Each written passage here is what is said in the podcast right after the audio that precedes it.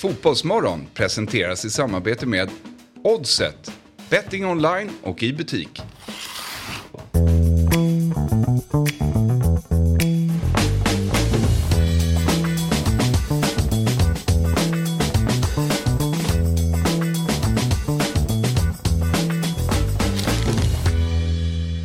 Välkomna ska ni vara till Fotbollsmorgon och vi skriver in den 1 februari vecka 5. Eller är det vecka 4? Du frågar helt Vecka fel 5. person. Ja. Det är det nog. Jag, Ja. jag litar inte riktigt på vad de Nej, skriver. gör inte det. Eh, med mig som alltid på onsdagar Per Frykebrant. Mm. Och vi skriver in året 2003. Vi gör- 2023. 2023. Ja, det är så. 2023. Ja, där har vi det. Ja. Eh, mår du bra? Jag var bra. Det här är li, lite, eh, sa jag precis, eh, li, lite jobbigt dagen efter deadline day. Kom upp så här. Eh, men det här är också första dagen under 2023 som eh, solen går upp innan klockan åtta. Vad vad vackert. Ja. Eh, jag noterade att de fick... De ligger nästan 40 minuter efter oss med solnedgången nere i Skåne. Ja, det, det gör de. Jag spenderar mina halva veckor i Skåne så det är väldigt mycket så det är, det är lite jetlag att vara mm. på så här. Eh, ja, men där är man lite avundsjuk på dem ju. Eller ganska ofta. Det är Ja. fint där nere, eller hur? Ja, det är jättefint. Ja. det skulle man vara. Inte avundsjuk väl? Inte alltid. Det är en dålig egenskap, tänker jag. Eh, Svartsjuk är ju värre egenskap. förvisso. Ja. förvisso. Det, har jag, det har jag hoppat. Du, igår så hade vi extremt svåra 123 avsnittet. Mm. Eh, och då undrar folk varför det. Men det är 1, 2, 3. Alltså det känns som att man måste göra väldigt mycket av det programmet. Mm. Idag känns det rätt skönt att vara över med det. Alltså det är 124. Vi har klarat av januari, vi går in i februari och Mm. det- som är en jäkligt kort månad. Sen är det liksom mars och sen är det bara lite grann kvar så är allsvenskan igång. Hur pepp är du på allsvenskan? Superpepp faktiskt. Mm. Eh, jag, har ju, jag har inget all- allsvenskt lag. Degerfors. Alltså, exakt, men som jag kan gå på här. Mm. Eh, men i år ska jag. I år blir det. I år ska jag, gå på mycket allsvenska matcher. Vilka tänker du då? Nej, det blir nog Djurgården. Det blir nog det. Jaha, Ja. vad märkligt. Eh, idag så har vi en helt liksom, uppsjö av härliga människor som kommer hit. Eh, för de som eh, undrar så sitter ju två personer här borta och det är ju Lukas Berglund och Christoph Fågel. De ska vi prata om vad det gäller eh, fotbollsekonomi, övergångar. Det har ju varit deadline day som du sa igår och idag går vi in i, liksom, i normalläge igen. Jag hatar för övrigt det där fönstret som är mitt i, mitt i säsongen. Det borde förbjudas. Ja, som Chelsea-supporter borde du kanske Generellt. Ja, alltså, det, här har klubbarna typ 50 spelare, Mm. ibland 80 spelare i sitt nätverk. Och ändå känner de att de måste värva in mer. Mm, Eh, då behöver man, här, att vara sportchef, vad är det? Så här, ah, men man kan värva hur mycket som helst både på sommaren och, och vintern. Då vore det bättre om man bara får värva inför säsongen. Mm. Och så blir det lite som så här, ah, att man får börja jobba med hela truppen. Ja. Istället, för nu är det ju, varför har man så många spelare om man ändå ska... Jag håller med dig. De, de flesta ligorna tänker ju så då. Alltså ta Italien. Mm. Eh, den, eh, Ola Solbacken gick från Bode till, till, eh, till Roma gratis. Mm. Han var Serie A's tredje dyraste spelare i det här fönstret. eh, och så tar det då, så det, det är ganska, ganska mycket ett Premier League-problem. Ja, eh, att man liksom kastar om trupperna så mycket. Ja, oerhört oseriöst. Eh, men eh, sen kommer Julia Frändfors hit, ungefär runt åtta. Helene eh, Barnekow kommer hit, hon som Mm. eventuellt blir nya chefen för svensk fotboll. Precis. Ordförande alltså i Ja. SVFF. Superspännande. Jättespännande. Mm. Intressant bakgrund också. Eh, chef för Telia, Microsoft, Microsoft. Eh, och eh, skrivit en bok om eh, värdebaserat ledarskap. Ja, bland precis. annat. Det ska vi fråga henne om. Åh ja, Ja. det ska vi göra. Eh, och sen så eh, Daniel Disco Kristoffersson eh, som eh, har full koll på eh, övergångar. Mm. Och kanske, kanske lite mer med svensk fokus. Ja. Han är i eh, Marbella nu? Ja, eller någonstans Någonstans- utlandet. någonstans här, ja. eh, han har det ju bra. Du, eh, Lukas Berglund, god morgon. God morgon, god morgon. Hur mår du? Jo, fint. fint. Det är skönt när januari är över, precis som ni säger. Och att eh, liksom, nu, nu blir det liksom tydlighet i, i eh, vad som gäller för vilka, vissa spelare. Alltså det är ju så att så många spelare som spelade jättemånga matcher typ eh, i januari nu bara spelar in en annan färg eh, i, i samma liga till exempel. Vilket jag tycker är också lite Smutsigt. Ja. Alltså, vet, eh, Kristoff Fågel, välkommen hit du också. Tack så mycket. För de som känner till dig där ute så är det den osynliga handen. Ja. Det var ju där du gjorde ditt namn, under ett nick. Eh, och var liksom så här, mannen som alla vände sig till vad gäller att få koll på är ekonomin bra i min klubb eller inte? Hur hamnade du där? Uh, nej men det är väl blandning av två intressen och passioner, då, ekonomi och fotboll. Mm -hmm. Som blev en kaka ihop då. Ja. Som jag bakat. Och, och, du har ju också hamnat i, i det, ursäkta uttrycket, då, träsket. Mm. Ja. ja. Eh, så är det ju. Eh, nej men för att eh, haka på där. Jag blir ju provocerad av en spelare som till exempel i, i mitt Chelsea då har sprungit runt och pussat både klubbmärke och allt möjligt. Eh, eh då Jorginho. Mm. Liksom utan att blinka kliver över till Arsenal och nu står liksom det här känns helt fantastiskt. Mm. Jag, jag tycker att det är det säger ganska mycket om att eh, spelarna egentligen fullständigt skiter i eh, någon form av klubbkänsla, alltså de allra flesta. Utan det är bara, det är bara pengar. Ja. Men, men vad säger du om, är det spelarens fel eller, eller är det klubbens fel som säljer till? Spelaren är ju alltid den som väljer. Ja, jo, jo, men Chelsea väljer ju också vilka de säljer till. Jo, jo, men eh, någonstans är det ju att det är ändå rätt viktigt att man håller på vissa... Eh, jag hade alltid problem med Ashley Cole. För han var inte riktigt... Och sen kan folk mm. säga att han spelade jättemånga år och bla bla bla bla bla. Fast han kom från Arsenal. Mm. Det var liksom... Det, han kan aldrig bli liksom riktigt hyllad på det sättet. Nej. Men vad tycker du om en sån där med, med, med Jorginho som är, ja, går från att vara inte liksom en eh, kanske viktig kugge längre i Chelsea-bygget eh, till ett Arsenal? Alltså, vad, vad känner du som Chelsea-supporter då? För om du känner en sak när man går till ditt Chelsea. Nej, men eh, jag tycker inte han har någonting där att göra Nej. överhuvudtaget. Men å andra sidan så är det ju inte första spelaren de plockar ut oss som är på dekis. Eh, David Luiz eh, fick de ju också betala ganska ja. mycket för. Men nu fick de inte betala jättemycket i, de, i deras kontext. Ja. Men för svenskt lag så har det varit jättemycket att betala 12 miljoner pund för en spelare. Men där borta så är det väl knappt att de det märks inte. Det var liksom någon form av symboliskt. Kan vi lite få? så. Lite så. Men, eh, nej, men jag tycker att det, det förstör lite grann. Men rent generellt sett det här fönstret som är. Det är ja, nu är han där och så ska vi, ska vi möta då varandra. Och, mm. ja, men det är jättekonstigt. Men eh, lilla julafton brukar fotbollsfans eh, kalla den här eh, deadline day som, som gick av staplarna. Jag satt och kollade igår på ja, men Sky som bullar upp stort och det, det står reportrar utanför träningsanläggningen och så här. Gillar ni det?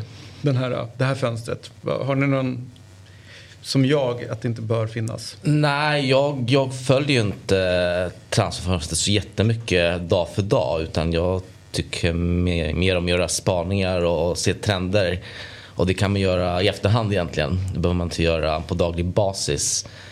Ehm, jag såg en liten undersökning på sajten Off the Pitch häromdagen att de hade tittat på förra årets transferfönster i Premier League där det var bara Newcastle som fick eh, utväxling för sin, sina satsningar som man då kan kalla det.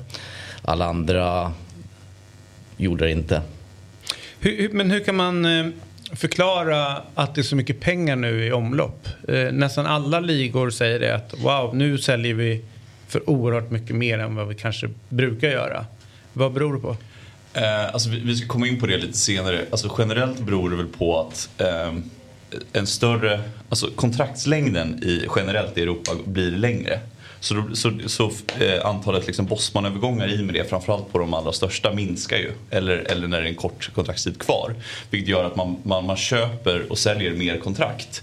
Um, vilket ju kan verka som att det är mer pengar uh, på ett sätt. Men tidigare kanske man bara gjorde liknande affärer fast med bossmanspelare och betalade mycket högre löner eller agentarvoden och så vidare.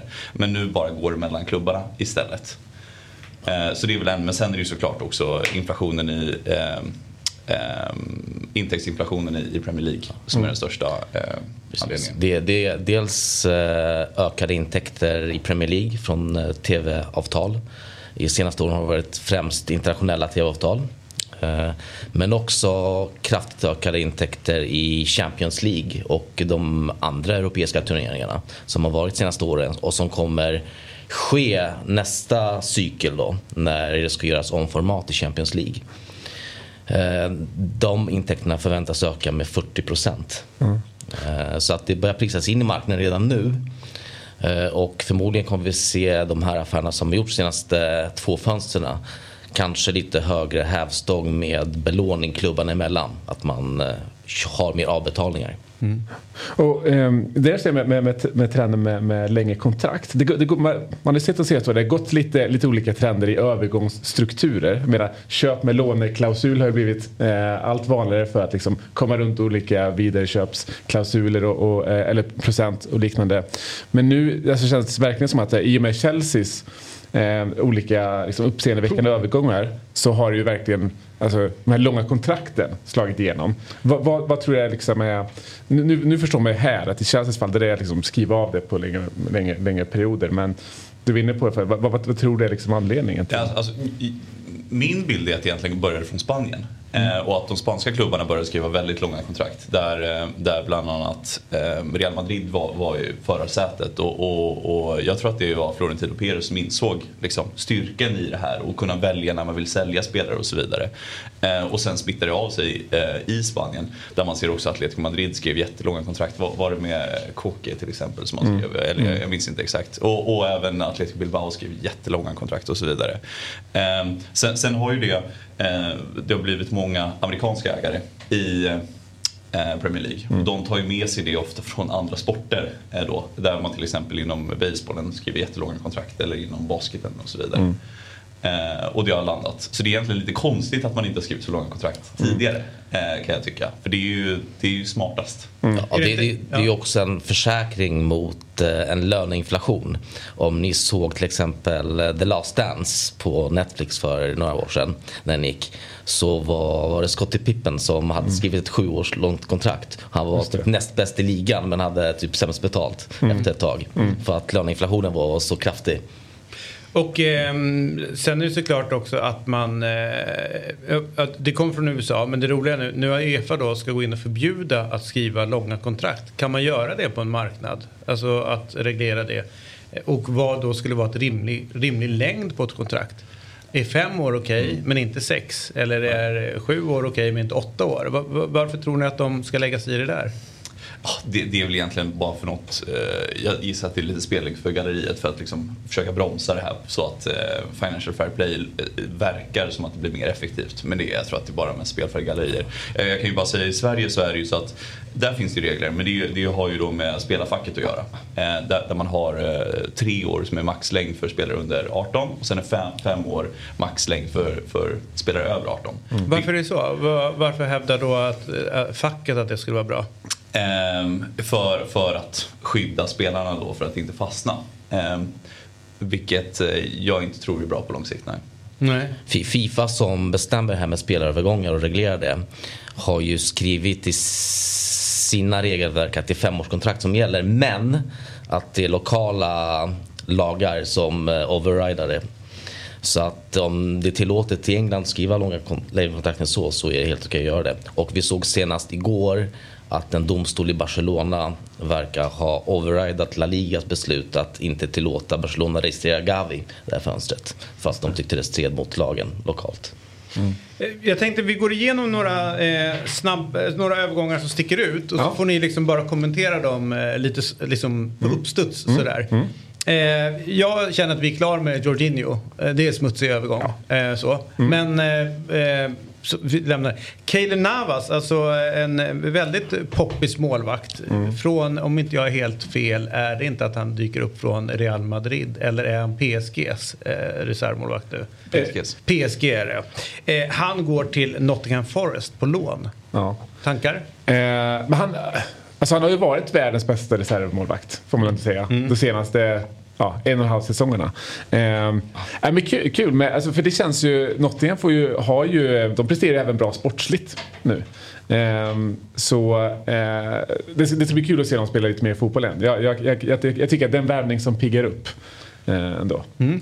Eh, jag måste få kommentera den också. Det är ju, eh, Keylor Navas, det, det, är ju rätt sjukt. Han, eh, han är världens näst bäst betalda målvakt mm. eh, och sitter på bänken med det. Och jag tror att det här är för att PSG behöver balansera sina böcker. Eh, och att de måste, alltså det går ju inte att ha världens näst betal, bäst, de har ju världens bäst betalda målvakt Ja. eh, i, i Donnarumma och så kan man inte ha näst bäst betalda som liksom andra målvakt. Det, ju, och, ehm, det blir ju resursslöseri som tusan. Eh, och jag tror att de kommer nog eventuellt få lite problem med Financial Fair Play i framtiden med tanke på deras eh, löner till, till de där tre på topp.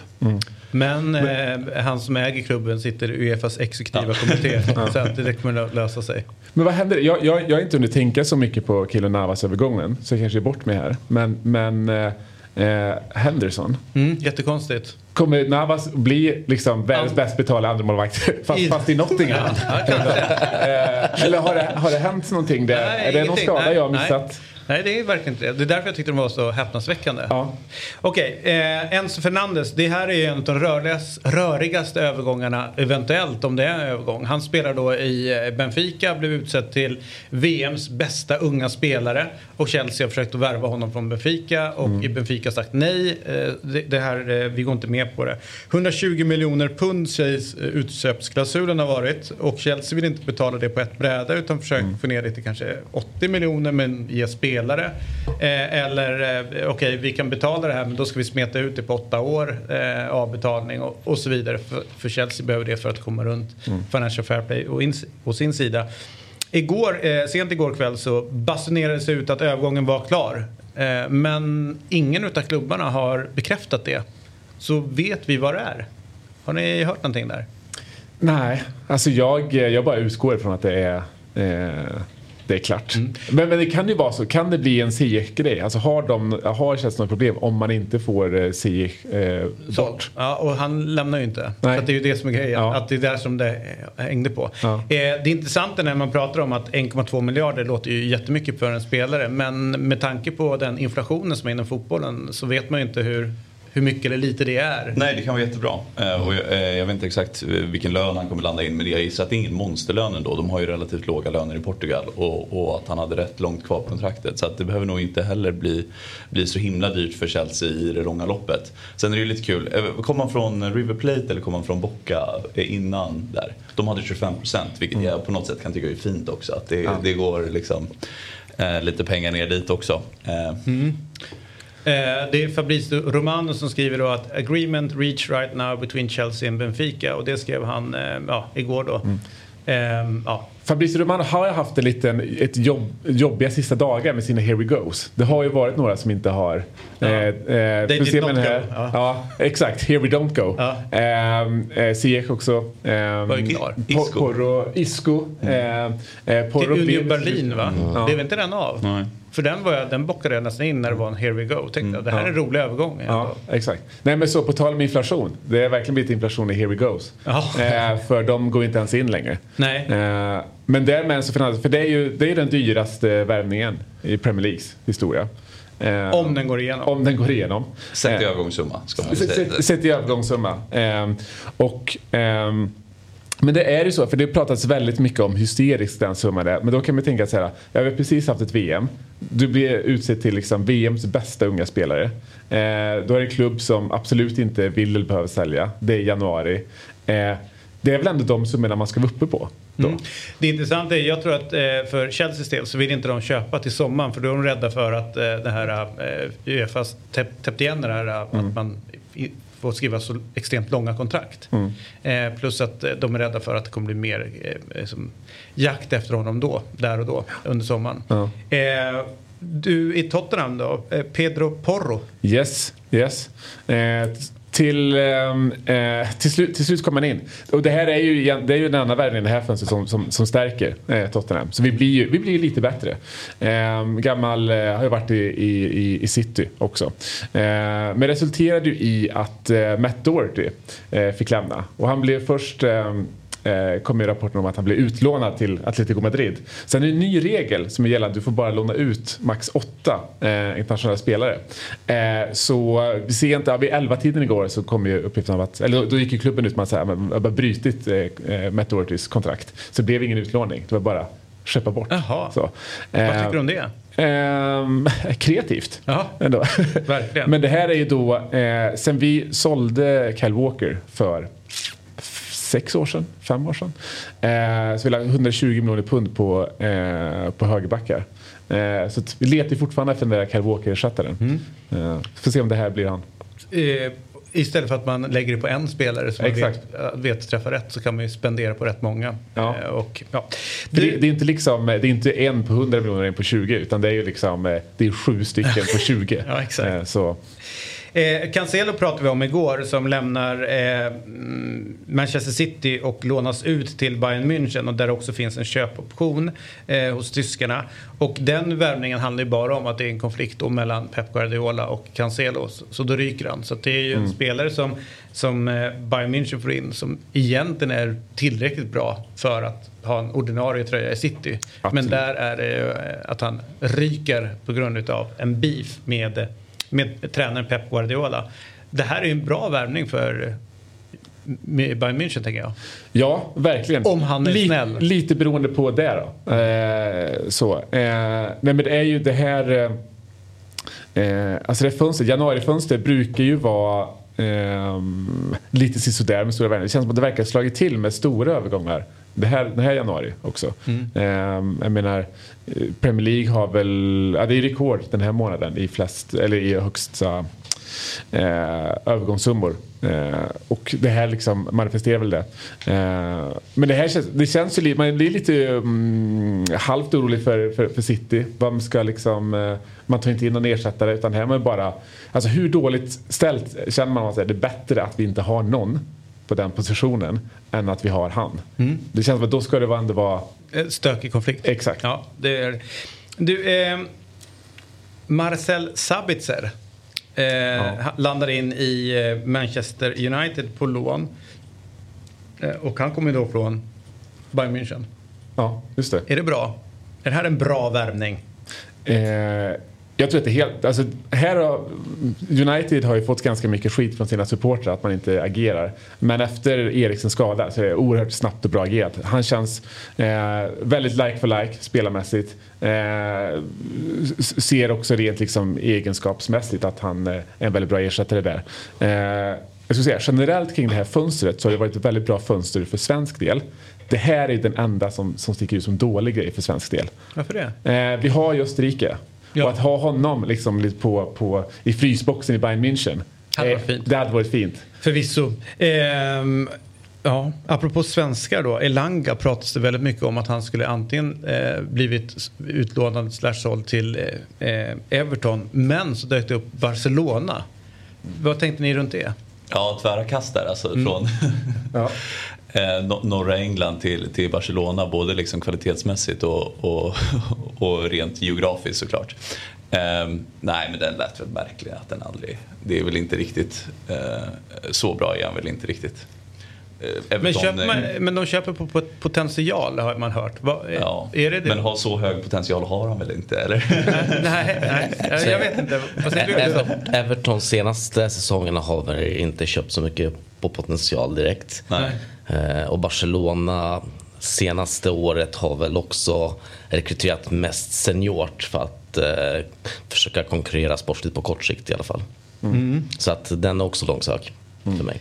Men det, det, det, alltså det, är ett bra betyg för honom på något sätt ändå att, att de inte släpper honom nu. Mm. Eh, att man ändå ser eh, att eh, för jag menar, eh, han är en ung spelare, han behöver speltid. Alltså att det, det hade ju varit, det kändes ju ganska självklart tänkte jag inför FNs att han skulle gå ut på lån. Mm. Eh, men ja, det är ett betyg från honom att United ändå värderar honom så pass högt att han blir kvar. Ja. All right. Låt oss, eh, allt det här finns ju som ni säkert vet eh, på, på ja, Expressen och Aftonbladet överallt. De listar de hetaste övergångarna. Så det är dumt för oss att rabbla mm. igenom allt. Men däremot så ska vi prata lite grann om just övergångar och eh, fotbolls eh, ekonomi. Och eh, du eh, Lukas eh, är ju ekonomikonsult ska man säga i, för storklubben HJK Helsingfors. Kan man säga det? Lite grann? Ja. Konsultar ja. lite grann. Storklubben jag vet inte om man kan säga. Ja, i, i, I, en finsk kontext ja, så är det ja, det. Det är ju en av de största, kanske den största klubben i Finland. Eh, och Kristoffer eh, Fågel är ju också ekonom eh, och har ju kanske under längst tid inom svensk fotboll, vi som är lite mer nördiga, eh, är ju du den som har hållit på mest med det här med fotboll och eh, ekonomi. Vad, vad är det som gör att ni fascineras utav den ekonomiska sidan så mycket inom fotbollen? Men jag tror att det, det, det finns väldigt mycket tillgänglig liksom, data kring det. Eh, vilket liksom, eh, och, och, ett jättestort intresse. vilket ju gör det mycket enklare på något sätt. Och det finns väldigt mycket liksom, offentlig data. eller liksom, lättillgänglig data som går att få tag på. Vilket jag tror att det var, det, det var så jag kom in på det i alla fall. Och sen kanske att det var inte så många som höll på med det. Mm. Vad tänker du? Ja. Så var så tidigt på det? Nej men precis. Det är som sagt en kombination av två stora intressen hos mig. Eh, och eh, i början, egentligen hela tiden fram till för ett par år sedan bara, så har jag mest tyckt att intäkter och kostnader varit intressant. Medan på senare tid har jag försökt sätta mig in i hur väl klubbarna utnyttjar sina resurser. Alltså mer hur man bygger trupper, hur man bygger staber runt trupper för att eh, faktiskt, vad är det som gör att en klubb kanske kan överprestera sina finansiella resurser eh, över tid? Mm. För det finns faktiskt sådana klubbar. Om man ska summera det här, eh, det här fönstret då som precis har, har stängt. Vad, hur låter det då, Kristoff? det har varit ett eh, aktivt fönster. Eh, definitivt mycket mer aktivt än januari 2022. Eh, det är i första hand drivet av Premier League och Chelsea. Mm. Jag tror att vi ska ha någon form av eh, ja, men visst, bild på det. Det här är ju en tidslinje då. Från den 1 januari till den 31. Där vi ser aggregerade, aggregerade utgifter globalt, alltså i alla ligor i hela världen under januari. Där eh, den vita linjen är 2023 och den eh, mörkare är 2022. Och då ser vi att eh, ja, det ser ungefär likadant ut fram till den 15 och sen eh, så ökar bara 2023 års eh, utgifter eh, jämfört med för, för, ett år sedan. Då. Mm. Och till höger så, jag tror att totalt sett kan, kan landa det på 1,6 miljarder euro i utgifter under januari jämfört med 1,3 miljarder 2022. Och staplar till höger om där så ser vi en jämförelse mellan 2022 och 2023 eh, på nedbrutet på ligor. Eh, Premier League, den vita, där vi ser att, och det är exklusive Chelsea. Eh, där vi ser att... Men inklusive 2022? Nej, Chelsea hade faktiskt inga utgifter. 2000. Nej, de hade ju transferband. Ja. Exakt, så är det. Mm. Bra. Så att eh, det är Premier League exklusive Chelsea som vi ser att som ökat med eh, säg 40 procent 2023. Mm. Eh, de övriga stora fem, fem ligorna har ju faktiskt minskat med nästan hälften i sina utgifter. Mm. Du kan fortsätta föra sliden ändå. Eh, övriga ligor, ungefär som förra året. Eh, där är Major League Soccer faktiskt numera den största ligan när det kommer right. till utgifter. Ja. Och det här är deras huvudfönster ena säsongen. Kanske det som förklarar. Ja. Mm. Men vi har ju tittat på Major League Soccer lite närmare tidigare och vi har märkt att det är en stor förändring i beteende de sista fem åren. De har verkar upptäckt det här med transfermarknaden och börjat faktiskt tänka mer strategiskt och hur de bygger sina trupper, hur de gör affärer. Kan de bli ett hot mot den europeiska fotbollen om Säg tio, tio år. Ligan växer. Eh, antalet klubbar ökar hela tiden. Eh, med det ökar intäkterna. De, jag tror dock att de ligger efter internationellt. Eh, alltså den exponeringen. De har inte tillräckligt bra spelare. De har väldigt många klubbar men inte så många spela, duktiga spelare per klubb. Mm. Men, det man sett med, med MLS också är det tidigare var ju lite av en, lite taskigt sett, en elefantkyrkogård. Mm. Men de har ju värvat klart mer eh, talang nu de senaste åren vilket också syns sen när de säljer. Eh, att de har börjat sälja för klart mycket mer, eh, större summor och så vidare. Eh, vilket är ju liksom eh, mycket mer hållbart än hur, hur de agerade ja. tidigare. Då de agerade lite mer som, som liksom någon eh, Kina eller Mellanöstern liksom länderna. Mm. Men, men nu har ett mer liksom, europeiskt synsätt ja. på, på, på transmarknaden. De har också på senare år producerat faktiskt fler egna spelare mm. i USA. Ja.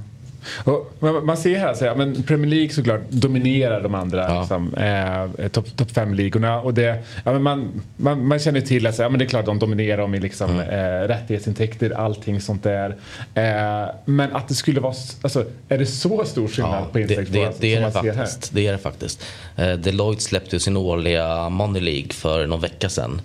Och bland de 30 största klubbarna mätt i kommersiella intäkter, alltså intäkter från publik, sponsorer och eh, broadcasting, alltså TV. Så var Premier League representerat på 16 av 30 platser. Och eh, jag skulle gissa att nästa rättighetscykel eh, för TV om ett par år så kommer kanske Premier League ha alla sina 20 klubbar bland de 30 största klubbarna i Europa. För, den, för det du var inne på, Champions League-rättigheterna kommer eh, de kommer uppas eh, en del och samma, Ja. samma med Premier Pre- League. Premier League ska ju ha ju en ny försälj, upphandling om ett eller två år Ja. igen. Och det ryktas om att eh, Apple ska ge sig in för att komma åt rättigheterna. Och varje gång det har kommit en ny stor aktör eh, i Premier League som ska buda på rättigheterna Mm. så har priset, eller storleken på dem ökat med 50-70 procent. Mm. För var det så vid senaste förhandlingen att, att, den, att priset gick ner lite? Ja, det gjorde det. Ja.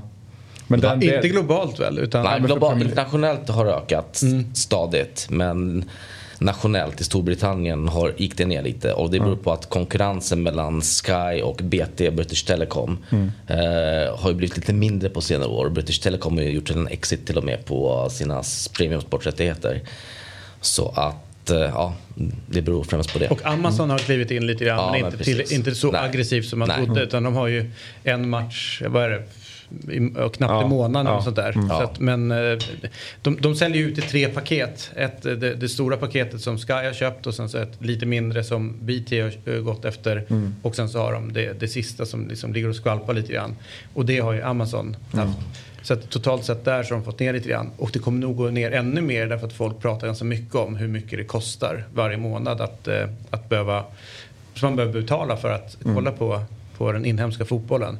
Och där vet man ju inte heller vilka regler som de kommer sätta upp i eh, Storbritannien heller. För de, de lägger sig i ganska mycket. Politiken lägger sig i liksom hur sporten ska skötas. Till exempel man får inte visa matcherna som går klockan 15.00 på lördagarna, alltså på 16.00 våran tid. Då får de inte visa Premier League. Och det, det ligger liksom kvar.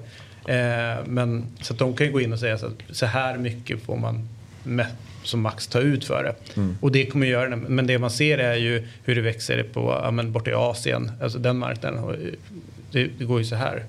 Eh, och eh, också varit snack om att eh, Premier League då egentligen ska försöka runda eh, tredjepartssamarbete. Så att de går ut och, och att vi blir direktkonsumenter med Premier League. Så att vi går inte via, vi- via Play eller någon annan som köper i Sverige utan man handlar direkt utav via Play och, och har sitt, sin, liksom sitt avtal. Eh, ungefär som Netflix eller vad det nu kan vara. Man gör det rakt av där. Och då har de börjat räkna på att de skulle eventuellt kunna tjäna ännu mer pengar på det. För att eh, det är klart att de som idag köper och tar ut ganska mycket pengar tjänar ju pengar på den här rättigheten. Eh, så det blir jättespännande att se. Ett tillägg här att Chelsea ligger där på toppen som, som russinet på tårtan. Eller vad det heter. Ja. Eh, de, de, ja, men precis. De, eh, deras utgifter i januari var 349 miljoner euro. Mm. Och det är inklusive gårdagens transfer som eh, Transfermarkt har räknat med. Eh, och jag tror att i den här säsongen 22-23 har Chelsea totalt investerat 600 miljoner pund. Ja. Och det är faktiskt när Chelsea såldes i augusti, eller juli-augusti. Så förutom själva köpeskillingen för klubben så committade sig eh, den gruppen som köpte klubben att investera ytterligare 1,75 miljarder pund de kommande tio åren. Och då är investeringar i spelarkontrakt ett bra sätt att parkera pengar om man nu för framtiden med tanke på inflation. Och eh, eh, måste renovera arenan och Ja. måste renovera träningsanläggningen. Så det var de tre grejerna. Ja. Samtidigt som de fick alla skulder avskrivna. Exakt. Eh, där de hade en ganska stor skuld till den gamla ägaren.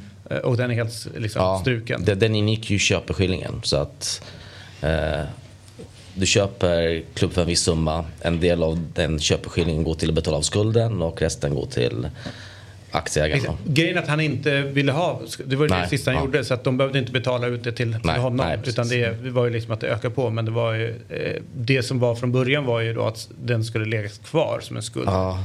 Men så att i Men- böckerna så är det ju Ja, helt men rätt. Ch- Chelsea låg väl pantsatt hos brittiska staten? Gjorde den inte det?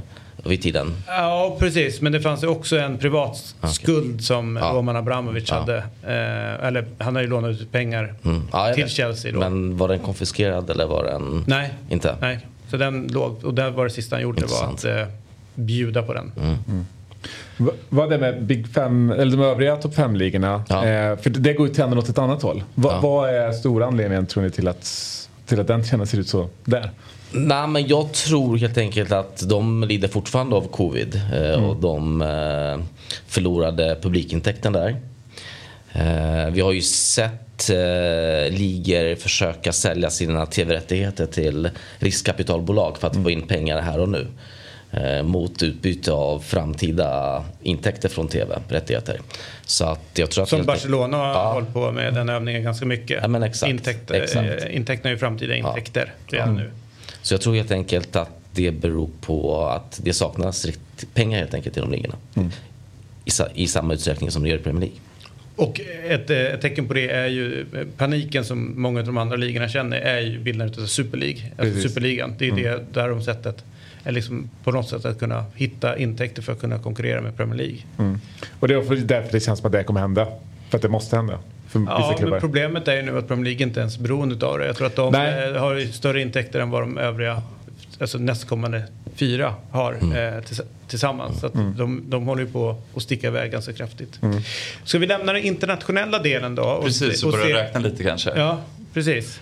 Om vi kan få upp den där sliden som vi hade förra. Eh, så får, nu är det tidigt på morgonen men vi får ha lite tråkig tabellräkning här. Men, och, eh, tänkte ta tre exempel på, på några spelare. Liksom, titta liksom egentligen på, på vad det kostar och så vidare. Eh, och då har vi tagit Casemiro-övergången till United i somras. Vi har tagit Donnarumma, det var förra sommaren, eh, till PSG och så har vi tagit Mudryk nu till Chelsea. Ehm, och så tittar vi då eh, längst till vänster där så står det övergångskostnader. Då kostar Casemiro ungefär 70 miljoner euro. Donnarumma eh, gick som bossman, ingen övergångssumma och Mudryk för eh, 100 miljoner euro. Give or take. Ehm, och, och, och just här är det väldigt många som fastnar i liksom den här eh, kolumnen och tittar att det är så här mycket en spelare kostar och det är så här mycket man räknar och det, jag menar, vi pratar om det och så vidare. Så att det, det är inget konstigt i det egentligen.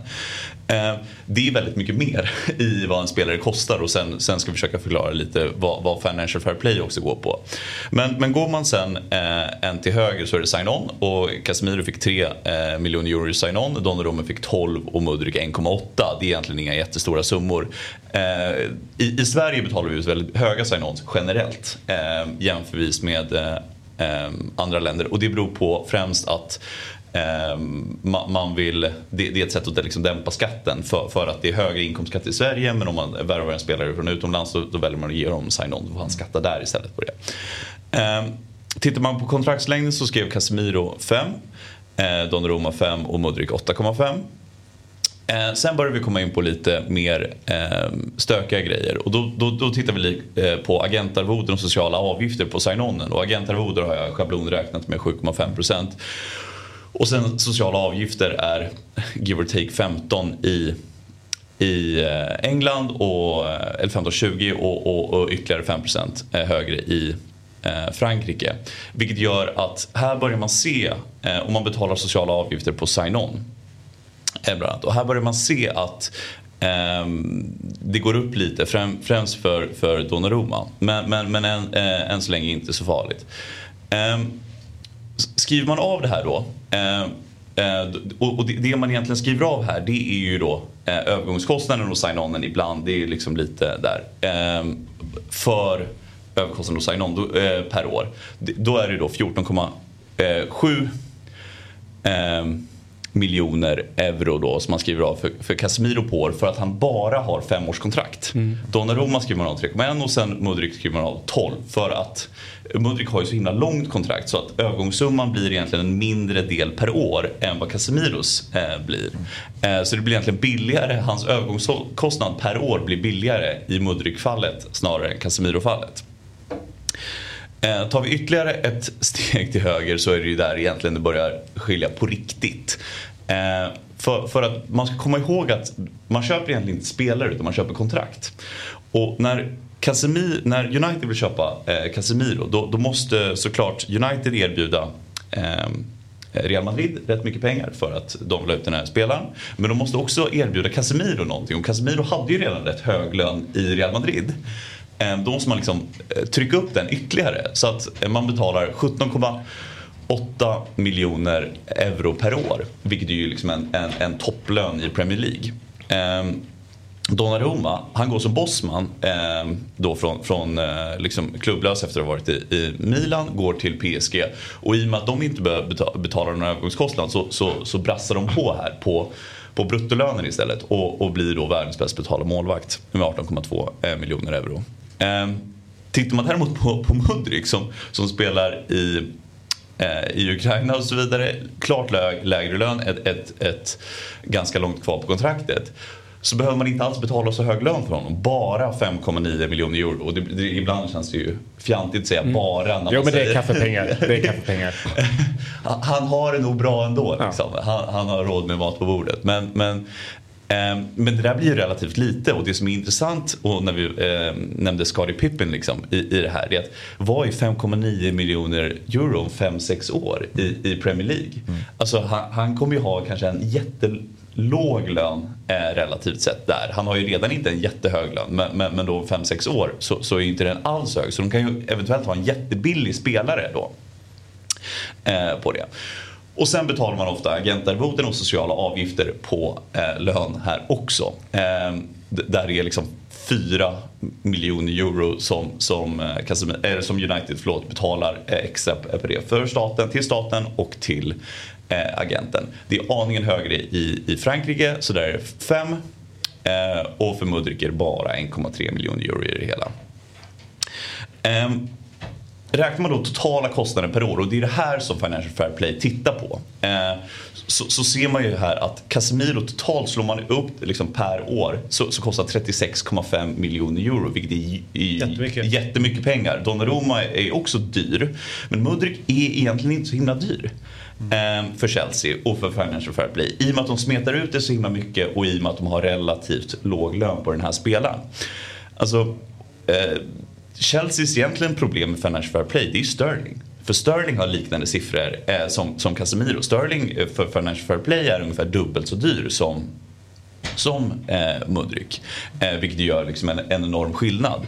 Koulibaly är också en sån här spelare som har jättehög lön. Inte så hög övergångskostnad men det spelar inte så stor roll utan det är ju liksom lönedelen mm. som är så himla viktig. Det är ju därför Barcelona också eh, haft sina problem. För de har haft så, visst de har spenderat mycket pengar också men de har haft obs obskyrt nästan höga löner eh, har de haft. Samtidigt som de inte fått några eh, intäkter under covid. Eh, eller fått lägre intäkter och inte heller sålt så mycket spelare.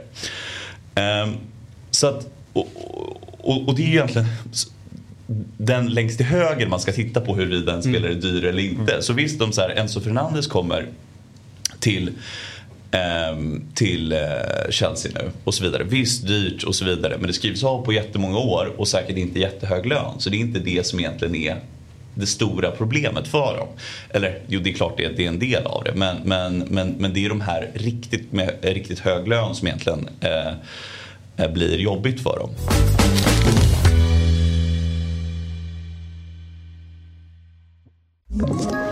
Ett poddtips från Podplay. I fallen jag aldrig glömmer djupdyker Hasse Aro i arbetet bakom några av Sveriges mest uppseendeväckande brottsutredningar går vi in med hemlig telefonavlyssning och, och då upplever vi att vi får en total förändring av hans beteende. Vad är det som händer nu? Vem är det som läcker? Och så säger han att jag är kriminell, jag har varit kriminell i hela mitt liv men att mörda ett barn, där går min gräns.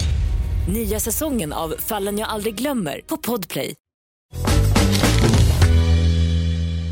Om man, om man då överför det här, för du sa att i Sverige finns det vissa regler eh, vad gäller kontraktslängder mm. eh, och så.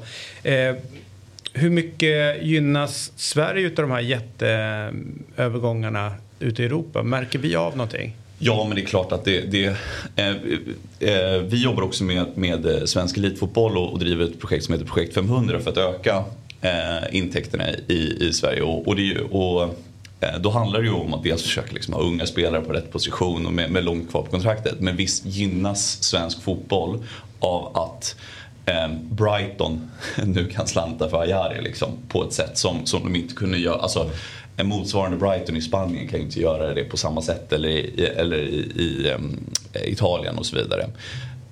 Um, och vilket såklart ja, vi tjänar på uh, direkt och när vi kan sälja direkt till dem. Men också om de köper från Holland till exempel. Eller uh, Premier League köper från Holland eller från Belgien som sen köper spelare av oss. Um, Men vi såg också ganska oväntat tycker jag. Det var ju Hammarby med, med Berisha. Ja. Som Hammarby köper in för mycket pengar Mm. tycker vi. Men sen går, är det Molde som, Det Molde. som kliver in och, Ja. och använder rätt mycket av pengarna de fick in när de köpte, sålde Fofana Ja. till, till just Chelsea. Exakt, så det är och Chelsea. lägger de pengarna på en spelare som de köper tillbaks till den norska Mm. ligan. För en summa som var häpnadsväckande hög för en spelare som inte har gjort speciellt mycket stort avtryck i den svenska fotbollen. Nej. Och det är det är ju en, en transferavgiftsinflation då. Att det kommer in mer pengar i skandinavisk fotboll som eh, blir något av en referensram för de affärer som görs inom Skandinavien. Benfica har till exempel värvat två spelare från Skandinavien det här fönstret.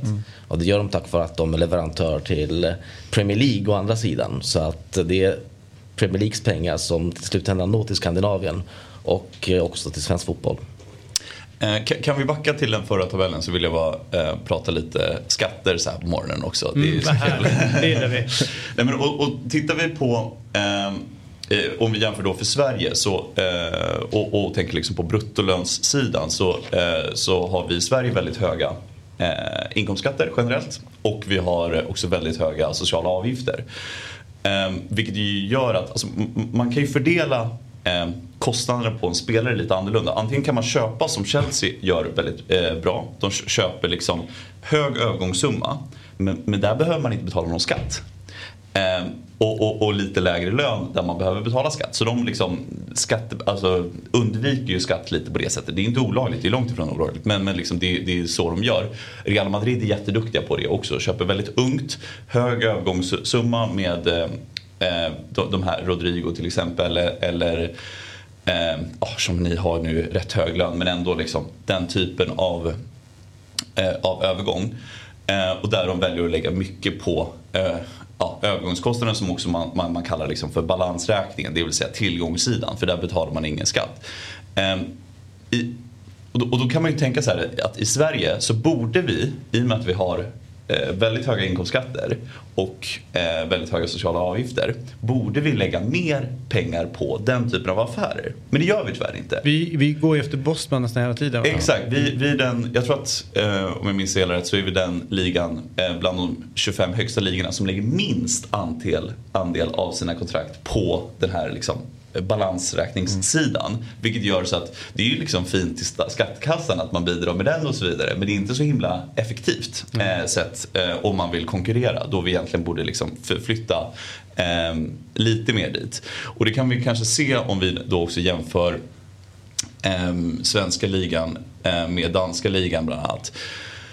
Eh, där, där danska superligan, de, de, eh, de köper Eh, väldigt mycket kontrakt eh, och får också då eh, sälja mycket kontrakt medan vi i, i Sverige eh, vi köper inte så mycket kontrakt och då får man inte heller inte sälja lika mycket kontrakt utan mer pengar går till, går till andra. Eh, Kristoff, du kanske kan... Ja, Nej, det, precis. Det här är ju en, en en bild som visar eh, köp och sälj av kontrakt då, från år 2014 till 2023. Alltså säsongerna 2013-14 till säsongerna 2022-23, europeiska kalendern då. Eh, och eh, här ser vi ju faktiskt ingen, eh, som i andra europeiska ligor, det faktiskt har minskat eh, i, alltså, i år, eh, utgifterna. Så i Skandinavien har de ökat, framförallt de senaste åren. Danmark har vi noterat att de bytte strategi runt 2015 på hur de byggde sina trupper. Och det ser vi att det har gett resultat på deras transferintäkter. Deras försäljning har blivit mycket större sedan dess. Och de återinvesterar de pengarna i nya spelarkontrakt, eh, säg närmare 40-50 procent. Eh, Medan i allsvenskan så har man legat under väldigt lång tid på ungefär 10-15% återinvesteringsgrad. Eh, Det är först 2000, den här säsongen, 2022-23, som allsvenska klubbar har börjat investera mer i spelarkontrakt. Där vi faktiskt har en, eh, nästan en tredjedel återinvesterat. Känns det som att det är drivet av din favoritklubb? Hammarby? Nej, men det drivet av flera klubbar. Sirius har ju, köpt, har ju sålt flera spelarkontrakt under året som har gått. Och eh, köpt nya. Så att det, jag skulle säga att det är drivet genom hela linjen. Men, men, men visst, men visst är Hammarby en av dem Ja. som, leder utvecklingen i, i det. Alltså man kan väl också säga Djurgården som har, som har köpt en del spelarkontrakt på sistone. Sirius är ju en lite mindre klubb som ändå gör det och Elfsborg får man väl också säga med Boman till exempel som ett eh, tydligt exempel. Och också som, som, som generellt har fått bra, bra utveckling. Men det är ju de kanske klubbarna som är närmast det danska beteendet. Eh, Och inom då ramen för det här eh, eh, projektet för svensk elitfotboll Mm. eh, som ni är med i, projekt 500 som handlar om att öka övergångssummorna med 500 miljoner Ja. jämfört med föregående års. nivå, Ja, va? alltså det är egentligen Eller- från, från eh, när- vad blir det nu, 2021, 2020, Ja. jag minns inte ens när vi startade, så, så var det att ungefär gå från 300 till 800 miljoner Ja. i, i transferintäkter. Och inom ramen för det, inspireras ni då av vad liksom Danmark gjorde det 2019 eller vad är det man gör inom ramen för det projektet för att, för att nå dit? Eh, det är inspirerat av eh, flera olika klubbar, inte bara danska klubbar utan vi har tittat ganska brett runt om i Europa. De klubbar som är generellt duktiga på att eh, sälja spelarkontrakt över tid och återinvestera pengarna väl. Eh, Kroatien och Serbien är Ja. till exempel också mindre länder som gör det väldigt eh, framgångsrikt. Fast eh, Portugal måste man vända. Ja, såklart. Alltså, Så är de- vad är det Porto som har 65% av sin totala omsättning? Ja, alltså handlar de- om att köpa och sälja. Ja, jag, vet, jag tror att hela ligan står för ungefär, alltså, ehm, alltså har, har nästan lika höga transferintäkter som de har kommersiella intäkter. Vilket är ju liksom helt enormt. Eh, om, om Sverige hade gjort eh, motsvarande sånt så hade ju eh, eh, samma liksom, procentuella siffra så hade vi sålt för ungefär en och en halv miljard per år. Liksom, vilket hade varit liksom, fint. Och, och då, det här projektet också bygger på att det är en statistisk modell som eh, visar lite på hur en trupp ska optimeras från ett eh, försäljningsperspektiv. Eh, rent demografiskt, speltidsmässigt. Sen är det upp till klubbarna själva att eh, komma på sina egna vad ska man säga, försörjningskedjor, hur man ska få in spelarna i respektive position. Och det kan ju skilja till exempel om vi tittar på Premier League, Brentford som saknar akademi. De rekryterar high potential spelare externt och eh, spelar in dem. Med, och medans en klubb som Brighton, eh, 30% av deras speltid kommer ges till akademispelare. Mm. Så att det finns olika sätt att eh, komma till en viss truppstruktur. Mm. Men eh, om, eh, om vi ska hoppa snabbt framåt lite grann då. Och hur ska svensk fotboll göra för att närma sig liksom, de, de andra där ute? För det, det här känns ju ganska, ganska givet. Men behöver vi hjälp med eh, så regeringen eh, och liksom lagar och regler runt, runt eh, vad, vilka, vad man ska förhålla sig till? Alltså, det är klart att det, det, det underlättar. Alltså, men, men, men samtidigt så, så får man alltså vi har ju ett exempel i, i Polen där, där de har ju gått in med, med i regeringen som har gjort det som jag tror att har varit ett, de har liksom tryckt in pengar för till de eh, klubbarna som får, får spela i Europa. Så har liksom regeringen gett dem liksom en liten bonus sånt där. Vilket vi har sett inte har bidragit till, till någon, någon, någon starkare konkurrensfördel egentligen. För det har bara gjort så att alla klubbar har blivit ännu kortsiktigare. Polen har- är, är eh, Ja, det är en liga som ligger dig kärt om hjärtat. Men, men de har inte varit så, så framgångsrika när det kommer till, till sån här typ av eh, ekonomisk strategi eh, generellt. Alltså, det är ju, men, men, men ska man prata om, om eh, vad, vad liksom, eh, politiken kan göra så är det ju framförallt plan, planbrist eh, som vi har enorm eh, i Sverige. Alltså det, eh, Norge har nästan dubbelt så många inomhushallar eh, som vi har, men de är halva befolkningen. Alltså Danmark har fler inomhushallar än vad vi har och de ligger ju söder om oss och är halva befolkningen. Vi har mycket färre liksom, eh, fotbollsplaner än vad Norge har uppvärmda och så vidare. Eh, och det är klart att i, i, I Norge har man ju sett att de senaste åren lägger de mycket, mycket mer pengar på sina akademier, på, på spelarutveckling generellt. Och då så här, surprise, då får man bättre spelare också. Det är ju inte så himla liksom, eh, konstigt. Ehm, Ehm, så, så, så det handlar ju liksom om en liten prioritering som, som svensk fotboll behöver göra generellt. Ehm, men som såklart också kan underlättas om det kommer från eh, externa pengar också. För att eh, det man ser att när också att investera i sådana typer, det, det liksom ger ju inte avkastning nästa år. Men på sikt så, så, så liksom blir det ju ett hållbart sätt att, att eh, försörja ligan. Eh, med tanke på hur mycket bra spelare som kommer upp i Norge. Så för att summera då lite grann. Så är det, det- för att svensk fotboll ska närma sig och ta nästa steg så behövs det från politikens sida eh, investeringar i anläggningar. Mm. Och det klubbarna kan göra det är att vara bättre på att köpa spelarkontrakt, unga spelare och ge dem längre kontrakt. Och, och, klubbarna kan också investera i sin egen... Ja såklart, eh, men, men man tänker absolut. för bredden ger ju på något sätt eh, toppen. Mm. Så att eh, bli bättre på scouting, bli bättre på att köpa unga spelare, ge dem längre kontrakt och sluta och plocka in massa äldre bossman-människor på viktiga positioner, typ forwards eller något liknande. Ja, det, är precis. typ, det är väl egentligen där. Ja exakt, för det har vi ju, har vi ju sett. ehm, om man tittar på de här stora övergångarna nu som går från, eh, från Norge till exempel. De har väl två stycken som är ungefär vid 100 miljoner. Till Chelsea är väl över men annars Ante Benfica är väl strax under. Är ju unga anfallare. Och vi i Sverige har, har ju mer eller mindre i Allsvenskan och Superettan nästan slutat spela med unga anfallare. Eh, och det är där man tjänar mest pengar. Eh, så det, det är lite synd eh, tycker jag. Eh, och, mm, för, för, det är ju, för det är ju där alltså, Alexander Isak pengarna kommer liksom från Zlatan back in the days. Det är ju där man gör de stora eh, pengarna helt enkelt. Och eh, en annan sak är att vårda sina akademispelare när de väl blir seniorer.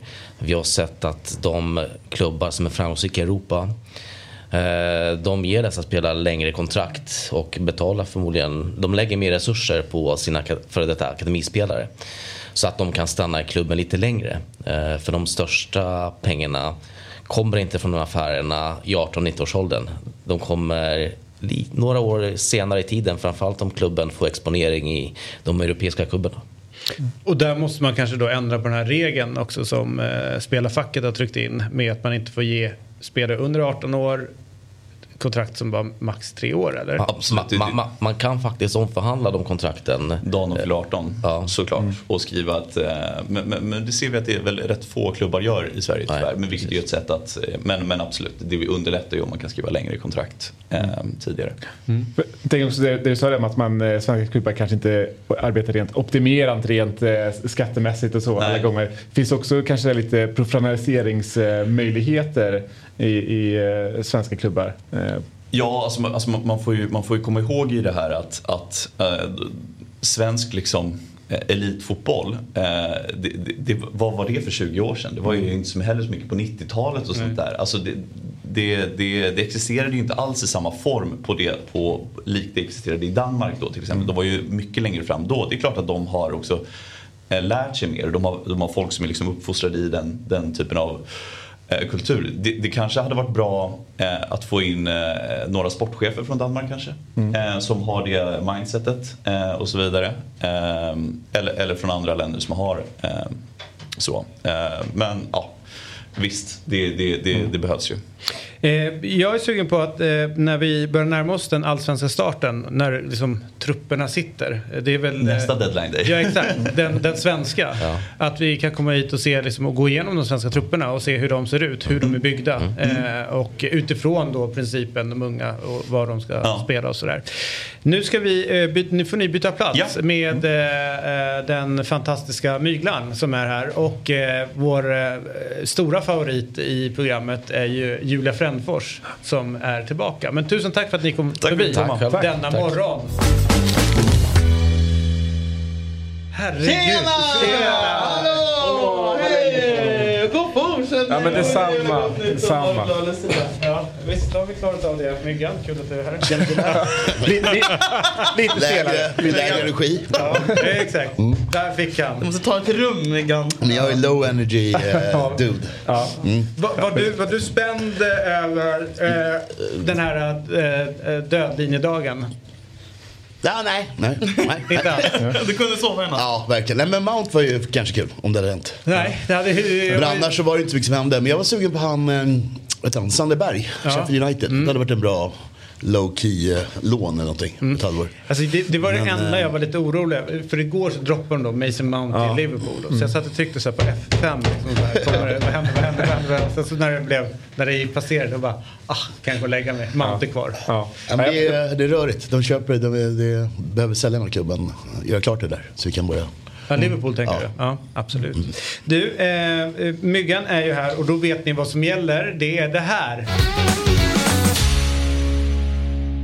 Alright, för nu är ju Myglan här Här och tillsammans Kul, alltså. med Swedish Play så eh, Svenska Spel eh, och så är det Oddset-dag, eller hur? Eh, exakt, det är eh, oddset då. Ja. Berätta mer. Ja men Oddset, alltså vi kör Oddset idag. Idag kör vi bomben.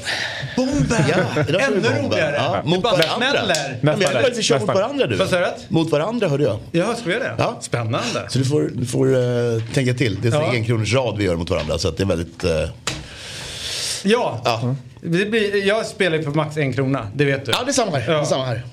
Så Hur gick det igår för dig förresten? Ja, det var ju, eh, alltså... herregud. Alltså, Luton missade en straff alltså. Ja.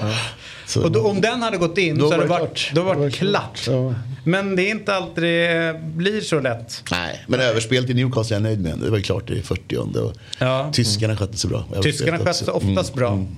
Men det här gör vi i samarbete med Svenska Spel, Sport och Casino AB. Och eh, åldersgränsen är 18 år. Och eh, om du har problem så finns stödlinjen.se. Och Julia, det gäller bara i, i spelsammanhang som du kan ringa den där linjen. alltså in, inte om du behöver bygga en eh, hylla hemma eller något sånt där. Så, så att, eh, ja, exakt. För du behövde ju hjälp, bygghjälp här, eh, notera det. Just det, hur gick det? Nej men det är jättebra att hitta en granne i Mellerhead. Ja. Det gjorde det? Var den och Jag ringa till stödlinjen. Den jävla hyllan alltså! kan ni skicka över någon? Eh, nej men okej. Eh, bomben. Det, det här tyckte jag för sig var lite mysigt det där att man skulle sätta eh, hemma, borta, bla bla, vilka, vilka som är mål och eh, ja. Berätta Precis så. för oss. Bomben är ju, är ju ett klassiskt spel på, eh, hos Svenska Spel. Mm. Eh, jag har inte spelat det så mycket men jag tycker det är kul när han väl gör det. Jag glömmer bort lite grann ibland. Så det är jättekul för att köra nu. Eh, välja rätt, rätt, rätt resultat. Ganska billigt att kryssa på mer eh, alternativ på varje match.